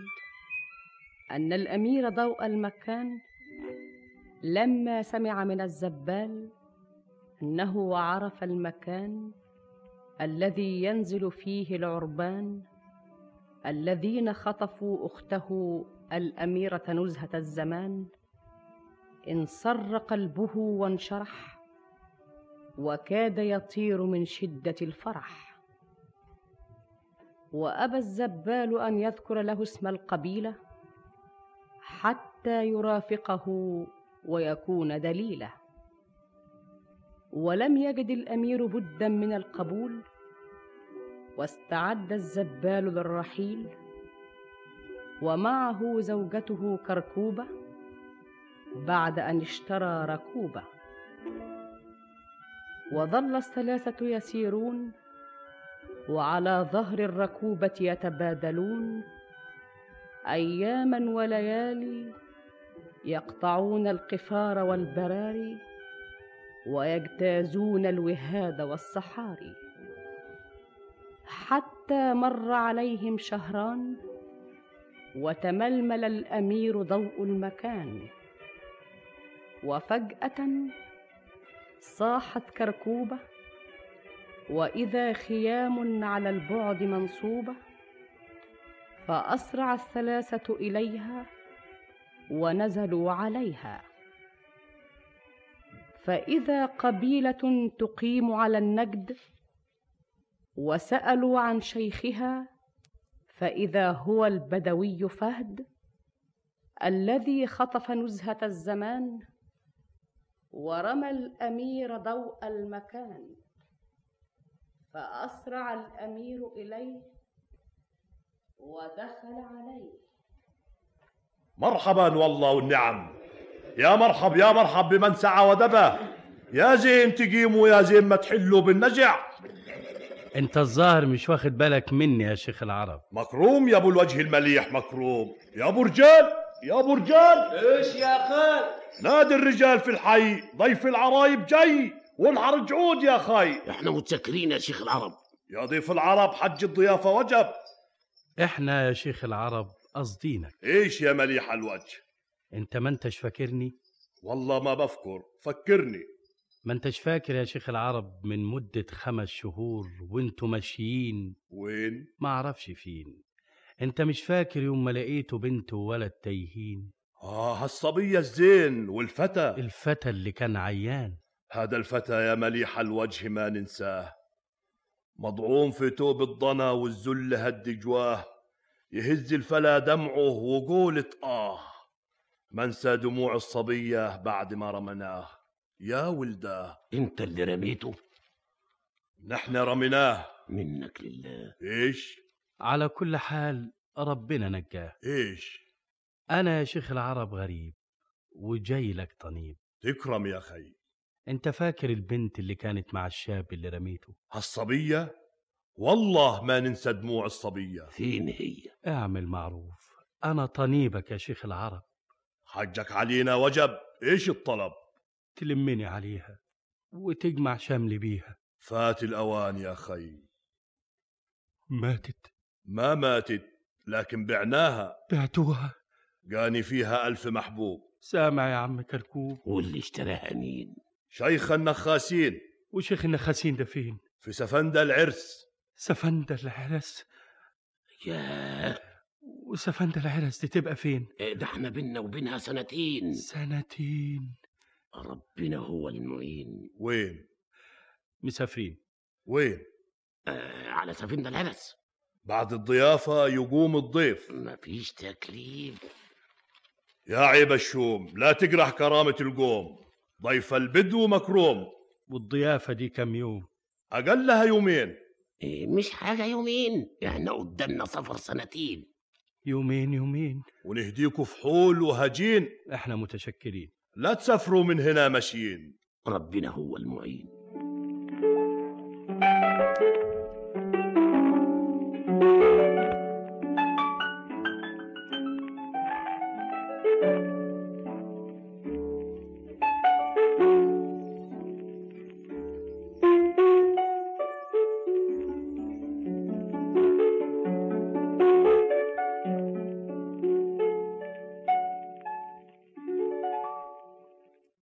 تعرف إحنا جايين لك منين؟ منين؟ إحنا بقالنا سنتين مسافرين. أنتوا جيتوا بعد الأوان يا مساكين. ليه؟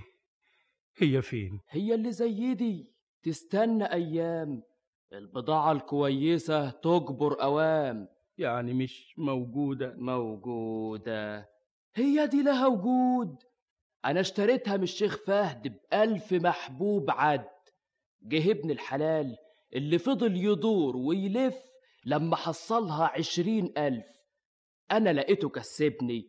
قلت عقلي وسبته يلطشها مني. وخدها على إيده زي البدر. الله يبارك له بقى. شاف فيها ليالي القدر. واللي اشتراها ده فين؟ في بلاد اسمها بلاد المرجان. بلاد المرجان؟ واسمه إيه؟ ما سألتوش اسمه إيه ولا هو قال لي عليه. يلا يا عم كركوب يلا يا ضوء المكان. على بلاد المرجان ربنا هو المستعان.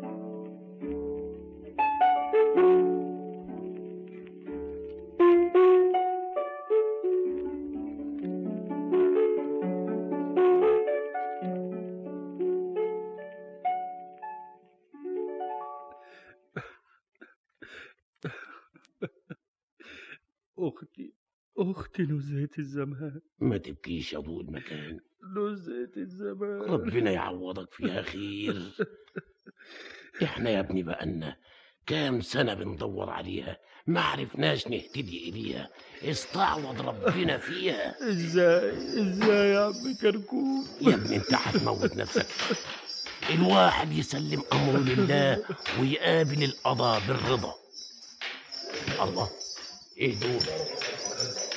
إيه ده يا أخويا؟ من فضلك. ده الحاجب الكبير واخد عروسته ورايح للملك النعمان. الملك النعمان؟ أيوه الملك النعمان. فيها حاجة دي؟ هو إحنا دلوقتي في بلاد الملك النعمان؟ على الحدود. دي بلاد المرجان.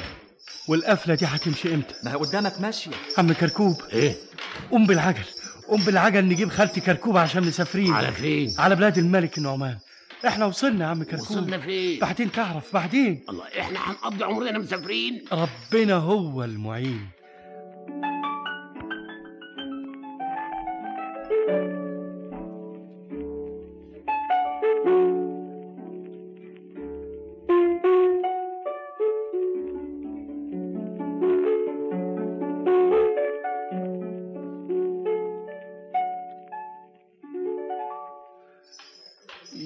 يا سايقين الجمال ودوني أشوف ناسي. أحسن يقولوا انشغل ولا صبح ناسي. فرق ما بينا الزمان ليه الزمان ناسي؟ إنت قطعت قلبي. ارحم شبابك يا ابني. أختي. اسمع يا راجل انت وهو. إيه؟ مين اللي كان بيغني فيكم؟ ليه؟ يجي يكلم الأميرة. يا خبر الأميرة؟ إحنا عملنا إيه؟ والأميرة عايزانا ليه؟ وأنا هقول لها عاوزاهم ليه؟ مين اللي كان بيغني؟ ما حدش كان بيغني. أنت هتكذبني؟ بس اسمع مني. بس اوعى سيبني إيه اللي جابك ويانا؟ أنت مين أنت؟ أنا عمك كركوب. كركوب؟ أيوه عمك كركوب الزبال. هو كمان زبال؟ اسمع يا حارس انت زودتها خالص. وده إيه اخر كمان؟ ماله الزبال؟ اللي بيشيل وساختكم وينظف لكم مكانكم وتقول لي زبال ماله كار الزبالة؟ مش أحسن معيش عواله ومع ذلك أنا واخدها غية. واخد الزبالة غية؟ أصلي ببص لها من زاوية. المهم مين اللي كان بيغني؟ انت بتخوفني. أنا اللي كنت بغني. طب اتفضل كلم الأميرة. الله يا راجل فضها سيرة أنت بتصدقه؟ وإحنا هنهزقه أنت تهزقني؟ إزاي- أوعى سيبني الله الله إزاي يا راجل؟ أنت تهزقه. أعمل إيه؟ ما هو غلباوي. أنت ليه على الشر ناوي؟ أوعى سيبني أنا همشي وياك بس- من غير ما يمسكني. بس اسمع مني آه، كلمني. سيبه إيه يعني؟ هي دي حاجة كبيرة. أروح معالي الأميرة. الله الله آه، ضوء المكان ضوء المكان ضوء المكان ضوء المكان. وتكاثر الجنود والأعوان واخذوا الأمير ضوء المكان ومعه صديقه الزبال فأدخلوهما على الأميرة في الحال. فلما دخلوا عليها تقدم الزبال إليها وقدم إليها المعذرة وطلب الصفح والمغفرة. ولكن الأميرة نزهة الزمان نحته جانبا والتفتت إلى ضوء المكان وسألته عن سر شقائه وسبب بكائه أثناء غنائه. فلما حكى لها حكايته وقص عليها قصته بكت الأميرة والتفتت إليه مولاي. وهنا أدرك شهرزاد الصباح فسكتت عن الكلام المباح. وبهذا تنتهي الحلقة التاسعة والتسعون من ليالي ألف ليلة يكتبها طاهر أبو فاشا ويخرجها محمد محمود شعبان. ولما كانت الحلقة المئة وفيها الليلة التالية اتخذ شهريار الملك مجلس الليلة الماضية. وإن هي إلا لحظة أو تكاد حتى أقبلت شهرزاد فسلمت أحسن سلام وجعلت تستأنف الكلام.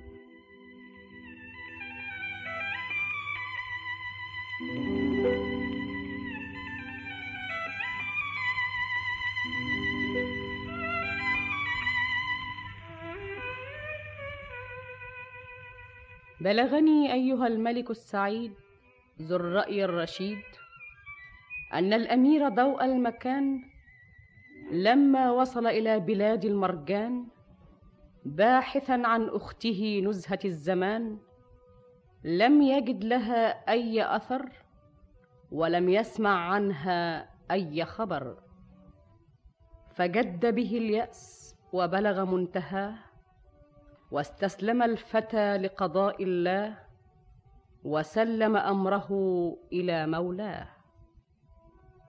وفي يوم من ذات الأيام انتهت إليهم جلبة وطالعهم زحام. سأل عنه الأمير فإذا زوجة الحاجب الكبير وهم يقصدون بلاد الملك النعمان. فلما سمع بذلك ضوء المكان وعرف أن الركب يقصد بلاد أبيه طلب من الزبال أن يصحبه ويسير فيه. وفي الحال قام العم كركوب الزبال وربط ناقته في قطار الجمال وساروا مع القافلة في رحلة طويلة حافلة. وفي ليلة من ذات الليالي تذكر الأمير أيامه الخوالي. فهاجت شجونه واسترسلت شؤونه. فجلس يغني على جراحه وينشد بالموال. بينما جلس يستمع إليه كركوب الزبال. وسمعت زوجة الحاجب غناء شجاها ولمس جرحها ووقع على هواها. فأرسلت أحد الرجال ليحضر لها ذلك المغني في الحال.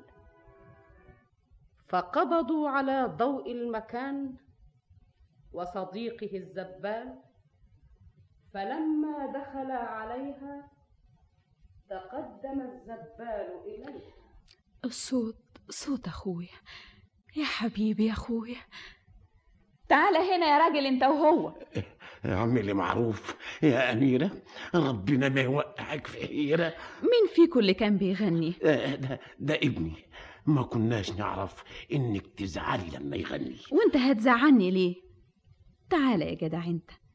أنت كنت بتقول إيه؟ ليه؟ يا ربي هو هو. هو إيه؟ خايفة مني ولا إيه؟ لو كشفت لك وشي هتقول إيه؟ هقول إيه؟ أنت بتعملي كده ليه؟ كل واحد فيه اللي فيه. وبيغني عليه. معلش يا مولاتي إحنا أزعجناكي. اسكت أنت يا راجل خلينا نتكلم. تعال انت هنا يا أخويا. آه. اتقدم. إحنا كنا بنقول إيه؟ آه، مفيش يا مولاتي. قلت لك اسكت أنت. الراجل ده إيه؟ ماشي معاه ليه؟ يبقى لك إيه؟ يبقى أبويا. أبوك؟ أيوه ابوه دي حاجة تضحك وتموت من الضحك. واسمك إيه يا أبوه؟ اسمي كركوب. كركوب؟ أيوه عم الكركوب الزبال. وكمان زبال. زبال زبال. ماله الزبال؟ ما ملوش بس في كلام ما صدقوش. آه، يعني أنا كذاب؟ طبعا كذاب. أنا زبال ابن زبال ابن زبالة وكلنا عايشين من كار الزبال طيب طيب كفاية. آه أنا معتذر لك بالنيابة عن ابني. من هنا ورايح ما عادش هيغني اصفحي عنه. ده غلبان. لو تعرف اللي جراله. إيه اللي جراله؟ إيه اللي جرالك؟ وإيه حقيقة حالك؟ اللي جرالي ما كانش يخطر على بالي. آه يعني ده بختي اللي رماني. أختي. مالها أختك؟ خطفوها مني طولوا ليلي وزودوا حزني. تلاقيني من غلبي بغني. أه، معلش يا أميرة ده غصب عنه. اسكت أنت. أنا مش زعلانة منه. أمال جايبانا هنا ليه؟ علشان أعرف حكايتك إيه. بتسأليني عن حكايتي. ما قلتلك خطفوا أختي. آه يا حبيبتي. اعملي معروف يا ست الستات. وبنتك دي اسمها إيه يا عم كركوب؟ أنا ماليش بنات. أمال أخته إزاي؟ آه تكون أخته من أب تاني؟ أنت مراتك كانت متجوزة واحد تاني؟ أنت هتوقعيني في شر أعمالي؟ وأنت يهمك في الموضوع ده إيه؟ اللي يجيب لك أختك تديله إيه؟ أديه أ- أديه اللي يقول عليه. أنت مش واخد بالك من صوتي؟ مش فاكر أنا سمعته فين إنما مش غريب عليا أنت أنت مين؟ أما أكشف لك وشي. بص بص يا دوق المكان. الله! دوق المكان. وعارف اسمه كمان؟ نزهت نزهت زمان وأنت كمان عارف اسمها؟ أختي أختي حبيبتي أختي. الله الله الله الله. هي الأميرة تبقى أختك ده أنت يا بختك. الحمد لله على سلامتك يا نزهتي زمان الحمد لله على سلامتك أنت يا ضوء المكان. الحمد لله على سلامتكم أنتوا الاتنين. أنا والله أول ما شفته قلت ده ابن ناس طيبين. أنت رايحة فين؟ وحكايتك إيه؟ احكي لي أنت حكايتك. احكي لي أنت أول. احكي احكي لك منين. من ساعة ما رموني وخدوكي وسابوني. ساعة ما رموك. وخدوني وسابوك. فضلت أبكي. ونوح وأشكي. عذبوني هنوني جلدوني وبعدين؟ خافوا أحسن أسيبهم وأهرب منهم. زودوا علي الحرس وقاموا على سفند العرس وخدوني على سوق العبيد وباعوني لواحد نخاس قلبه من حديد. منه لله البعيد. وبعدين؟ وبعدين؟ خدني النخاس على البيت. ومسك لي الصوت. وكل يوم يدخل عليا زي هم الموت. وفي يوم من ذات الأيام دخل عليا وأنا بنام. أنت بتنامي ولا إيه؟ أنا أنا صاحية أهو. ليه؟ أنت كمان بتقولي ليه؟ طيب طيب. ما بقيتش أقول ليه. آه خدي بالك كويس. أنت عارفة أنا جاي لك دلوقتي ليه؟ ما أقدرش. ما أقدرش أقول لك ليه. أنا عاوز أقول لك بكره السوق. سوق إيه؟ سوق الجواري. طيب وأنا مالي؟ انت مالك؟ انت مالك؟ لكن أنا مش مالي. ده أنا مضيع عليكي اموالي. انت عارفة أنا شريكي بكام؟ وأنا قلت لك اشتريني. دول ألف محبوب. سامعة؟ ألف محبوب. وأنا ذنبي إيه؟ هس انت بقالك هنا شهرين. عاوزك بكرة تبقي زي العجين. عشان آخد فيكي بدل الألف ألفين. سامعة؟ قومي فرجيني. أفرجك؟ أفرجك إيه؟ ارقصي وريني. وهو ده وقت رأس. بس! اخرسي اوعي تتنفسي! قومي ارقصي حاضر. حاضر يا سيدي. ارقصي هرقص يا سيدي. أهو. أهو. ارقصي هو يبقى كده؟ يا خالتي متعبة. هي فين متعبة؟ انت يا خالتي متعبة. يا خالتي متعبة. إيه؟ فيه إيه؟ تعالي يا ستي. إيه اللي حصل فهمني. ده رقص ده. أنتوا عاوزين تخربوا بيتي. طب بس روق دمك. حاجة تفور الدم. ده انت عشتك بالهم. قومي يا منيلة على عينك. وريني الرقص بتاعك. قومي يا مجرمة. ارقصي يا مزغودة. هو يبقى كده؟ وريها يا خالتي متعبة.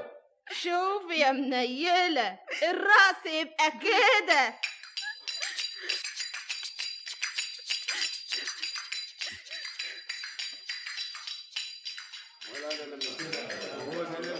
يا رايح سوق الملاح فتش على الغالي ونزودوه زودوه ونغالوا بيه غالي. الجواري الجواري يلي تهوى الجواري البيضة اللي زي الفل الحمرة اللي زي العنبر الصفرة اللي زي النرجس بياع الملاح الوجوه السباح الصبر السماح. تسمح يا أهلا أهلا الشهبندر اتفضل أنا عاوز الجارية اللي هناك دي. انهين فيهم اللي بتعيط هناك دي. دي؟ أيوه دي تعالي يا بت يا نزهة. قلت لك بطلي عياط. ليه كده بس؟ مهمش غير ضرب السياط. بكم بتبيعها؟ عينك كلها نظر. تاخد فيها ألف محبوب؟ يا خبر. ده انت لما تديني فيها عشر تلاف في عشر أكياس. خلاص أديك عشر تلاف في عشر أكياس. عشر تلاف فين؟ فين؟ هاتها وتعال. طب بس بكام؟ ما قلنا عشر تلاف عشر تلاف أنا بقول لك لما تديني عشر تلاف ما بيعهاش أبيعها بعشر تلاف الله أمال عاوز كام؟ خمستاشر خمستاشر كيس. خلاص خمستاشر كيس. آه، آه، قصدي أقول لك عشرين. اسمع أنا قبلت بعشرين. ولو رجعت في كلامك أنا حاسبها لك ومش ممكن هشتريها خلاص احملوها. ربنا يبارك لكم فيها. واشترى الشهبندر نزهة الزمان وحملها معه إلى بلاد المرجان ليتقرب بإهدائها إلى السلطان. وظل الرجل يحسن معاملتها حتى استردت الأميرة قوتها. وعادت لها ندرة الشباب فاشترى لها أغلى الثياب وأخذها وذهب إلى ال- مولاي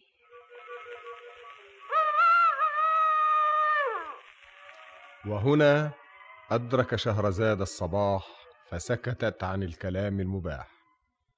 وبهذا تنتهي الحلقة المئة من ليالي ألف ليلة يكتبها طاهر أبو فاشا ويخرجها محمد محمود شعبان.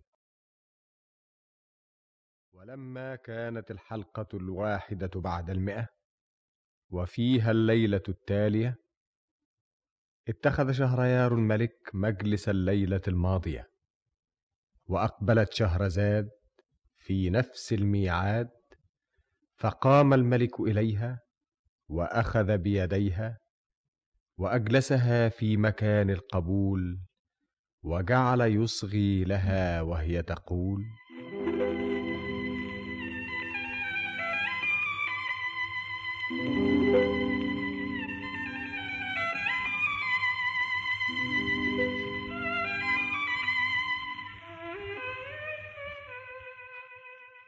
بلغني أيها الملك السعيد ذو الرأي الرشيد أن الشهبندر لما اشترى نزهة الزمان حملها معه إلى بلاد المرجان ليتقرب بإهدائها إلى السلطان.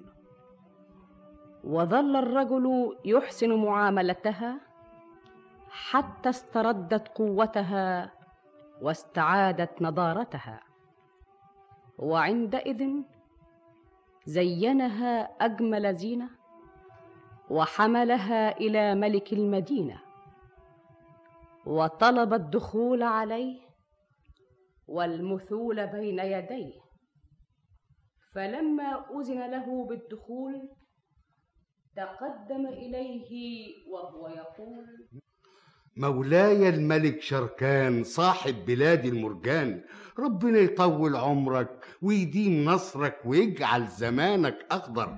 انهض يا شهبندر. الله أكبر. اطلب تعطى يا شهبندر. أطلب من خيرك ومن فضلك إنك تتعطف على عبدك وتقصد جبري وتكبر خاطري وتقبل الهدية اللي هقدمها لك ولو إنها مش قد مقامك. هديتك مقبولة وكلامك مقبول. ربنا يزيدك قبول. وإيه هي الهدية؟ حرية. فين هي؟ أقدر أقدمها. إمتى؟ دلوقتي أهو بعد برهة. يا نزهة نزهة.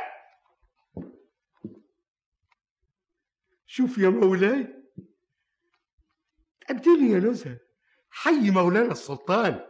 السلام والأمان يا ملك الزمان. تبارك الرحمن. ما شاء الله كان. راضي عنها يا مولاي. عترت عليها إزاي؟ درة ما حدش عارف قيمتها قمت اشتريتها والمولاي أهدتها. وعاوز كام تمنها؟ مفيش أكتر من رضاك عني وعنها. يعني عايز كام؟ يا سلام أنا مقدمها لك هدية. ما تلفش عليا. هي جريتك وأنا الخدام. ما تطولش في الكلام قول لي عاوز كام؟ إذا كان عالجارية أنا مقدمها هدية. واذا كنت عاوز تتكرم عليا أيوه شوية شوية. تجزيني يا مولانا. أجزيك يا شهبندر نولني اللي ببالي نولتك اللي في بالك. ربنا يسعد أيامك. إيه طلباتك؟ كل المطلوب تديني مكتوب. أقدمه لهم في البرور والبحور ما ياخدوش على تجارتي عشور أنا راخر بقول. مولاي متضايق. بالعكس أنا موافق. يا ميمون. مولاي. الجواب ده ينكتب. أمر مولاي. ربنا يزيدك رتب. دي جارية لكن تساوي تقلها ذهب. تعالي يا جريتك نزهة. منين يا نزهة؟ من بلاد الله. وعايشة فين يا نزهة؟ عايشة في ملك الله. أمنت بالله. غريبة يا نزهة؟ كلنا أغراب وبيوتنا في التراب وربنا بيسبب الأسباب. انتي انتي أنا إيه؟ زعلانة ليه؟ أنا بفكر في اللي راح وبفكر في اللي جاي. الحياة كده يا مولاي. انتي زعلانة عشان الشهبندر؟ ابن آدم من طين يروق ويتعكر. يا سلام عليكي نزهة. مولاي. من غير ما أفكر. ميمون. مولاي. أشهد من في الديوان إني أعتقت الجارية نزهة لوجه الله وإني تزوجتها بشرع الله. سبحان الله. مبارك يا مولاتي. أنا حسبت نجمها لقيت في السماء اسمها. ربنا يتمم عليكي ويجعل الخير على ايديكي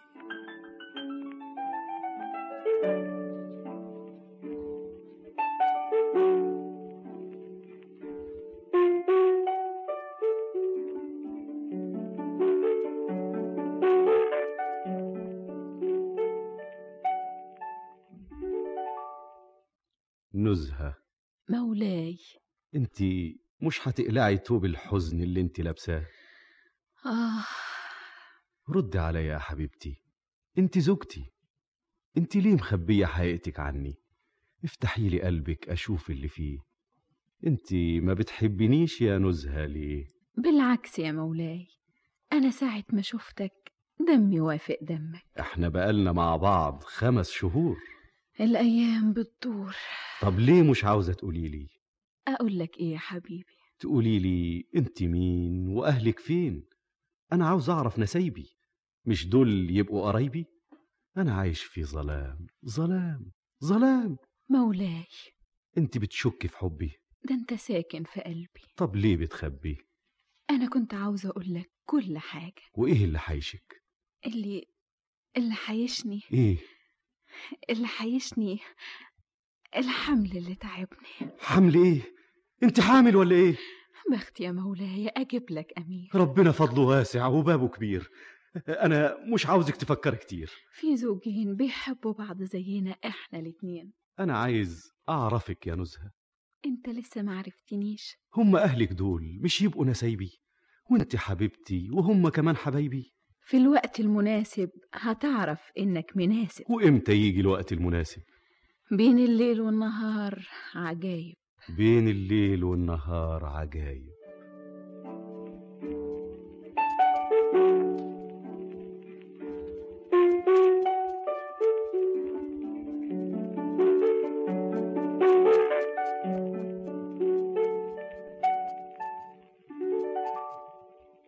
مولانا مولانا! مبارك يا مولانا! هي الملكة لسه تعبانة؟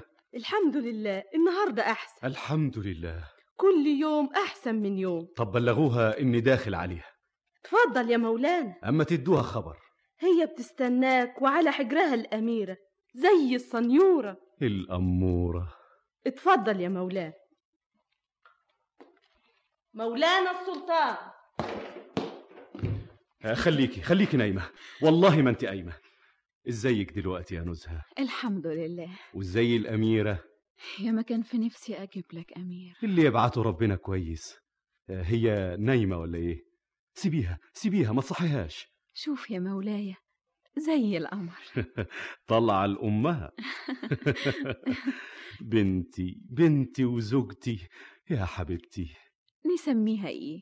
اللي تقولي عليه. سمي. بسم الله الرحمن الرحيم. بسم الله الرحمن الرحيم. الله إيه ده؟ إيه؟ اللي معلقه لها في صدرها. دي خرزة. جايبها منين؟ أبويا اداهالي ابوكي مين؟ أنت مين؟ أنت مين؟ أنت بتعمل كده ليه؟ قولي لي أنت مين؟ ابوكي مين؟ أصلك إيه وفصلك إيه؟ ليه؟ فهمني ليه؟ أنت نزهة الزمان. أنا نزهة الزمان. وابوكي الملك النعمان. وأبويا الملك النعمان. وأمك الأميرة عطرشان. إيش عرفك يا ملك الزمان؟ أنا شركان. ابن الملك النعمان. أخويا أختي يا خطية ربنا اتجوز أختي اتجوز أخويا ليه ما قلتليش اصلك وفصلك يا نزهة الزمان عشان المقدر يكون يا شركة لا حول الله أخويا أختي دبرني دبريني انت اسمعي يا أختي أبونا لو علم حيموت. خليه سر بينا وما يعلمبوش غير اللي خلقنا. إزاي؟ أنا هبعت أجيب الحاجب الكبير. تجيبه؟ ليه؟ دلوقتي تعرفي ليه. بنتي بنت أخويا.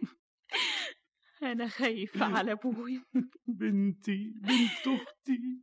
سميها يا شركان. سميها أنت يا نزهة الزمان. نسميها قدر وكان. قدر وكان.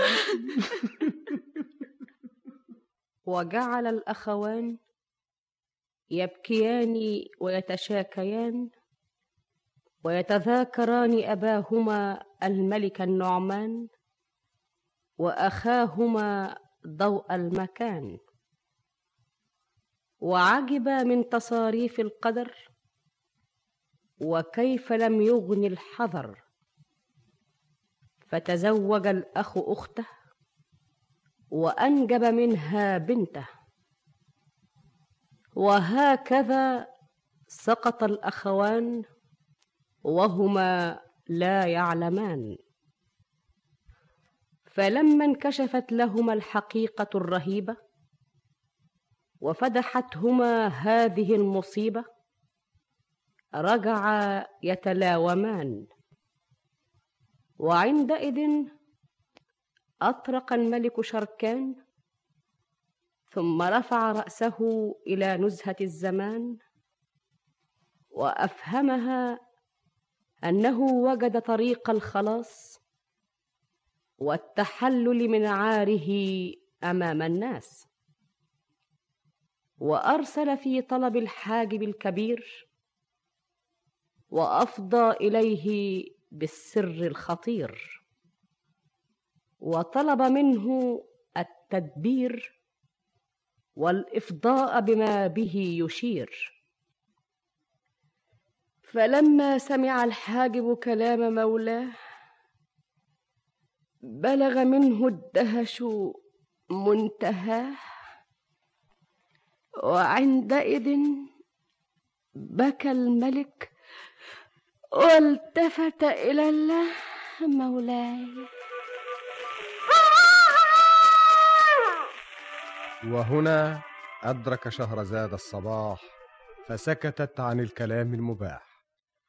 وبهذا تنتهي الحلقة الحادية بعد المئة من ليالي ألف ليلة يكتبها طاهر أبو فاشا ويخرجها محمد محمود شعبان.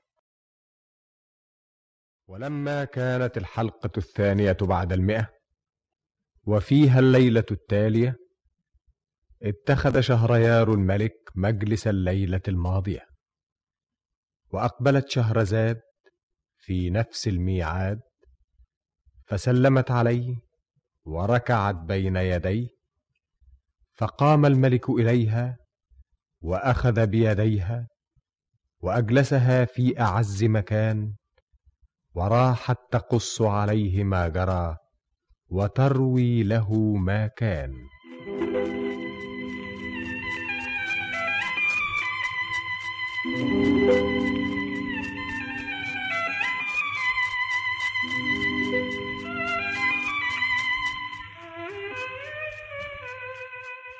بلغني أيها الملك السعيد ذو الرأي الرشيد أنه لما نفذ المقدور وتحكم القدر ساقها عبرة من العبر. فتزوج الأخ أخته وأنجب منها بنته. وسقط الأخوان وهما لا يعلمان. هذا ما كان من أمر الملك شركان مع أخته نزهة الزمان حيث ولدت له بنتا كأنها زهرة البستان. سمياها أقدر وكان. فلما انكشفت لهما الحقيقة الرهيبة وفدحتهما هذه المصيبة جعلا يبكيان ويتشاكيان ويتذاكران أباهما الملك النعمان. وخافا أن يبلغ أباهما الخبر فيموت من حزنه على الأثر. كل هذا يا مولاي مما ترويه نزهة الزمان لأخيها ضوء المكان. عندما اجتمع الأخوان والتقى الغريبان في قافلة خراج بلاد المرجان التي أرسلها الملك شركان إلى أبيه الملك النعمان. قالت وأرسل أخي شركان فاستدعى الحاجب الكبير وأفضى إليه بالسر الخطير وطلب منه طريق الخلاص والتحلل من عاره أمام الناس. فلما دخل الحاجب عليه أسرع الملك إليه. تعال تعال الحقني. يا مولانا كفل الشر. مفيش غيرك يخلصني. أنا يا مولاي عبد من عبيدك وحياتي كلها ملك إيدك. اتكببت عليا كل المصايب. أنا خلاص يا حاجب. تعال هنا جنبي. أنت يا مولاي وقعت قلبي. اسمع مني. إيه طمني. الجارية اللي جابها لي الشهبندر. تقصد الملكة؟ الملكة اللي اتجوزتها بعد ما عتقتها. مالها؟ تبين إنها أختي. أختك؟ أختي. بنت الملك النعمان؟ بنت الملك النعمان وأمها الأميرة عطرشان بنت الملك كنعان. شوف الظروف. أنا ميت من الخوف. على كل حال يا مولانا أنت ما كنتش تعرف. أنت بتخرف. وإيه يعني لما ما كنش أعرف؟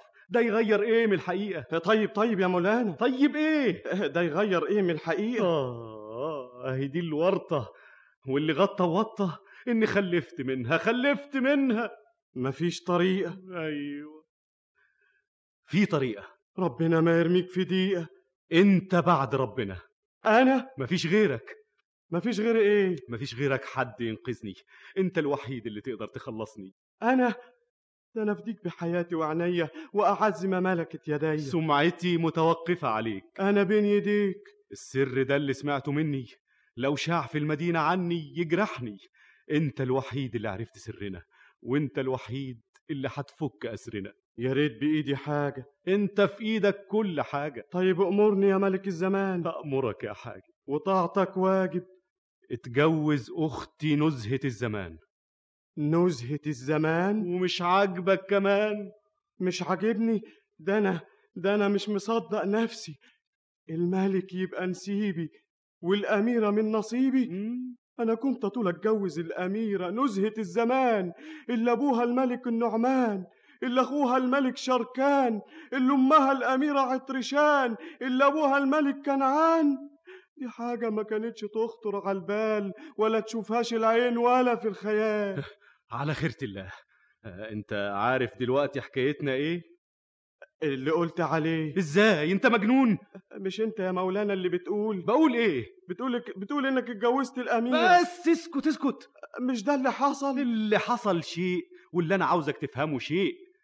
أنت اتجوزت أختي من مدة سنة. هو أنا لسه اتجوزتها؟ ده اللي أنا عاوزك تفهمه. أنت بتفهمش ليه؟ أيوه فهمت يا مولانا. وأنا اكتشفت حقيقتها من أيامها. ولما انت كشفت حقيقتها اتجوزتها ليه؟ ده اللي أنا عاوزك تفهمه. انت غبي ليه؟ آه أيوه أيوه فهمت يا مولانا.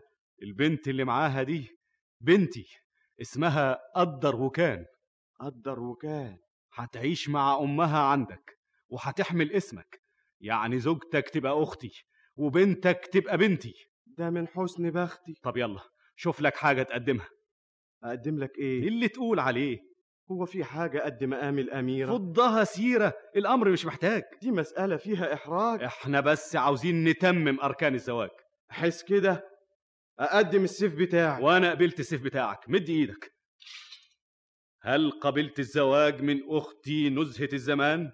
بنت الملك النعمان معتوقة أخوها شركان؟ قبلت يا ملك الزمان. وقدر وكان. قدام الناس بنتي وفي الحقيقة هي ستي. وأختي.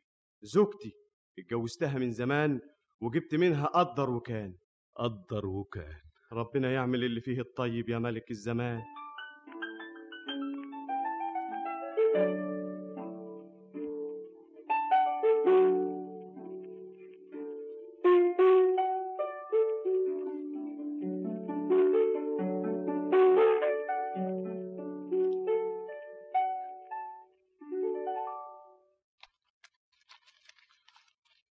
الملك النعمان إلى ولده الملك شركان. اعلم يا ولدي أني عديم الرقاد ملازم للسهاد حزنا على فراق الأولاد. وقد سمعت أنك تزوجت كارية من الجواري ورزقت ببنت من الذراري فإذا وصل هذا المرسال فأرسل الجارية وبنتها في الحال مع خراج هذا العام حتى تصل طرفنا بسلام. فإني أحب أن أرى زوجتك وأشاهد ابنتك. آه، ولأن عندنا شيخه من أولياء الله الصالحات وتريد أن تمنحهم بعض البركات. ونرجو منك الهمة والاهتمام والسلام ختام. الملك النعمان. شفت يا نزهة الزمان؟ الجواب ده وصل إمتى يا شركان؟ سلمهولي الوقت أهو الرسول. خدته منه وجيت لك على طول. حبيبي يا أبويا. أخويا. أختي. أنت هتعمل إيه؟ أمال أنا جاي لك ليه؟ أنا خايفة عليه ومشتاقه اليه أنا هسافر يا شركان. نزهة الزمان. طالت غربتي وطال همي واشتقت لأبويا واشتقت لأمي. ولما أبوك يعلم. وإيه اللي يخليه يعلم؟ أمال هتقولي له إيه يا نزهة الزمان؟ هحكي له حكايتي وأروي له روايتي من ساعة ما خرجت للصيد أنا وضوء المكان. وقعنا في إيدين العربان. والغلب اللي شفته والعذاب اللي شربته لما باعوني لك. هتقولي له إني اشتريتك؟ وهقول له إنك ساعة ما اشتريتني عرفتني. ها. وفي الحال عتقتني. وللحاجب الكبير جوزتني. أنت شايفة كده؟ وهقدم له بنتنا. قدر وكان. قدر وكان. أنا أبوها وخالها.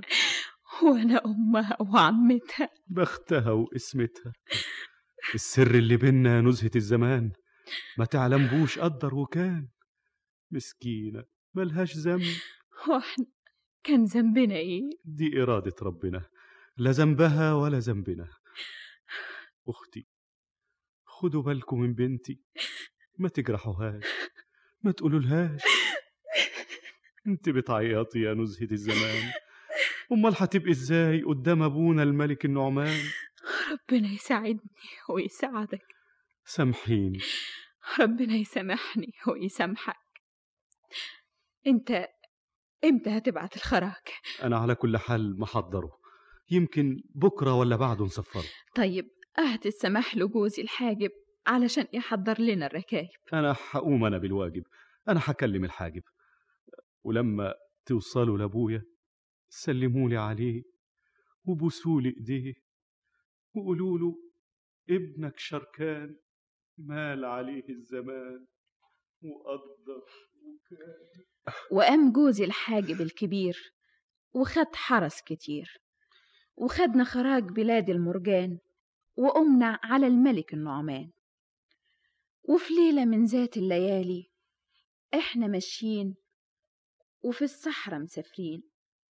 سمعت واحد بيغني. ساعة ما سمعت صوته حنله دمي وبعت الحرس يجيبوه. ساعة ما دخلوه عليا وبصيت له بعينيا. لقيتك انت يا ضوء المكان. وآدي حكايتي وآدي اللي كان. ضوء المكان. نزهة الزمان. أنا أنا خايف على أبويا الملك النعمان. من اللي جرى بينك وبين أخويا شركان. يا ريت اللي جرى مكان. قدر وكان. ضوء المكان. نزهة الزمان. أنا قلت لك حكايتي وحكيت لك اللي جرالي احكي لي أنت اللي جرالك واشرح لي أحوالك. أحكي لك. من ساعة البدوي ما رماك وأنت في شدة عياك. من ساعة البدوي ما رمان آه. وحد الله. لا إله إلا الله. وهكذا التقى الأخوان واجتمع الغريبان وظلا يسيران إلى أبيهما الملك النعمان. حتى إذا أشرفا على الديار طالعتهما عجاجة من الغبار. وانجلى الغبار وإذا تحته يا مولاي وهنا أدرك شهرزاد الصباح فسكتت عن الكلام المباح. وبهذا تنتهي الحلقة الثانية بعد المئة من ليالي ألف ليلة. يكتبها طاهر أبو فاشا ويخرجها محمد محمود شعبان.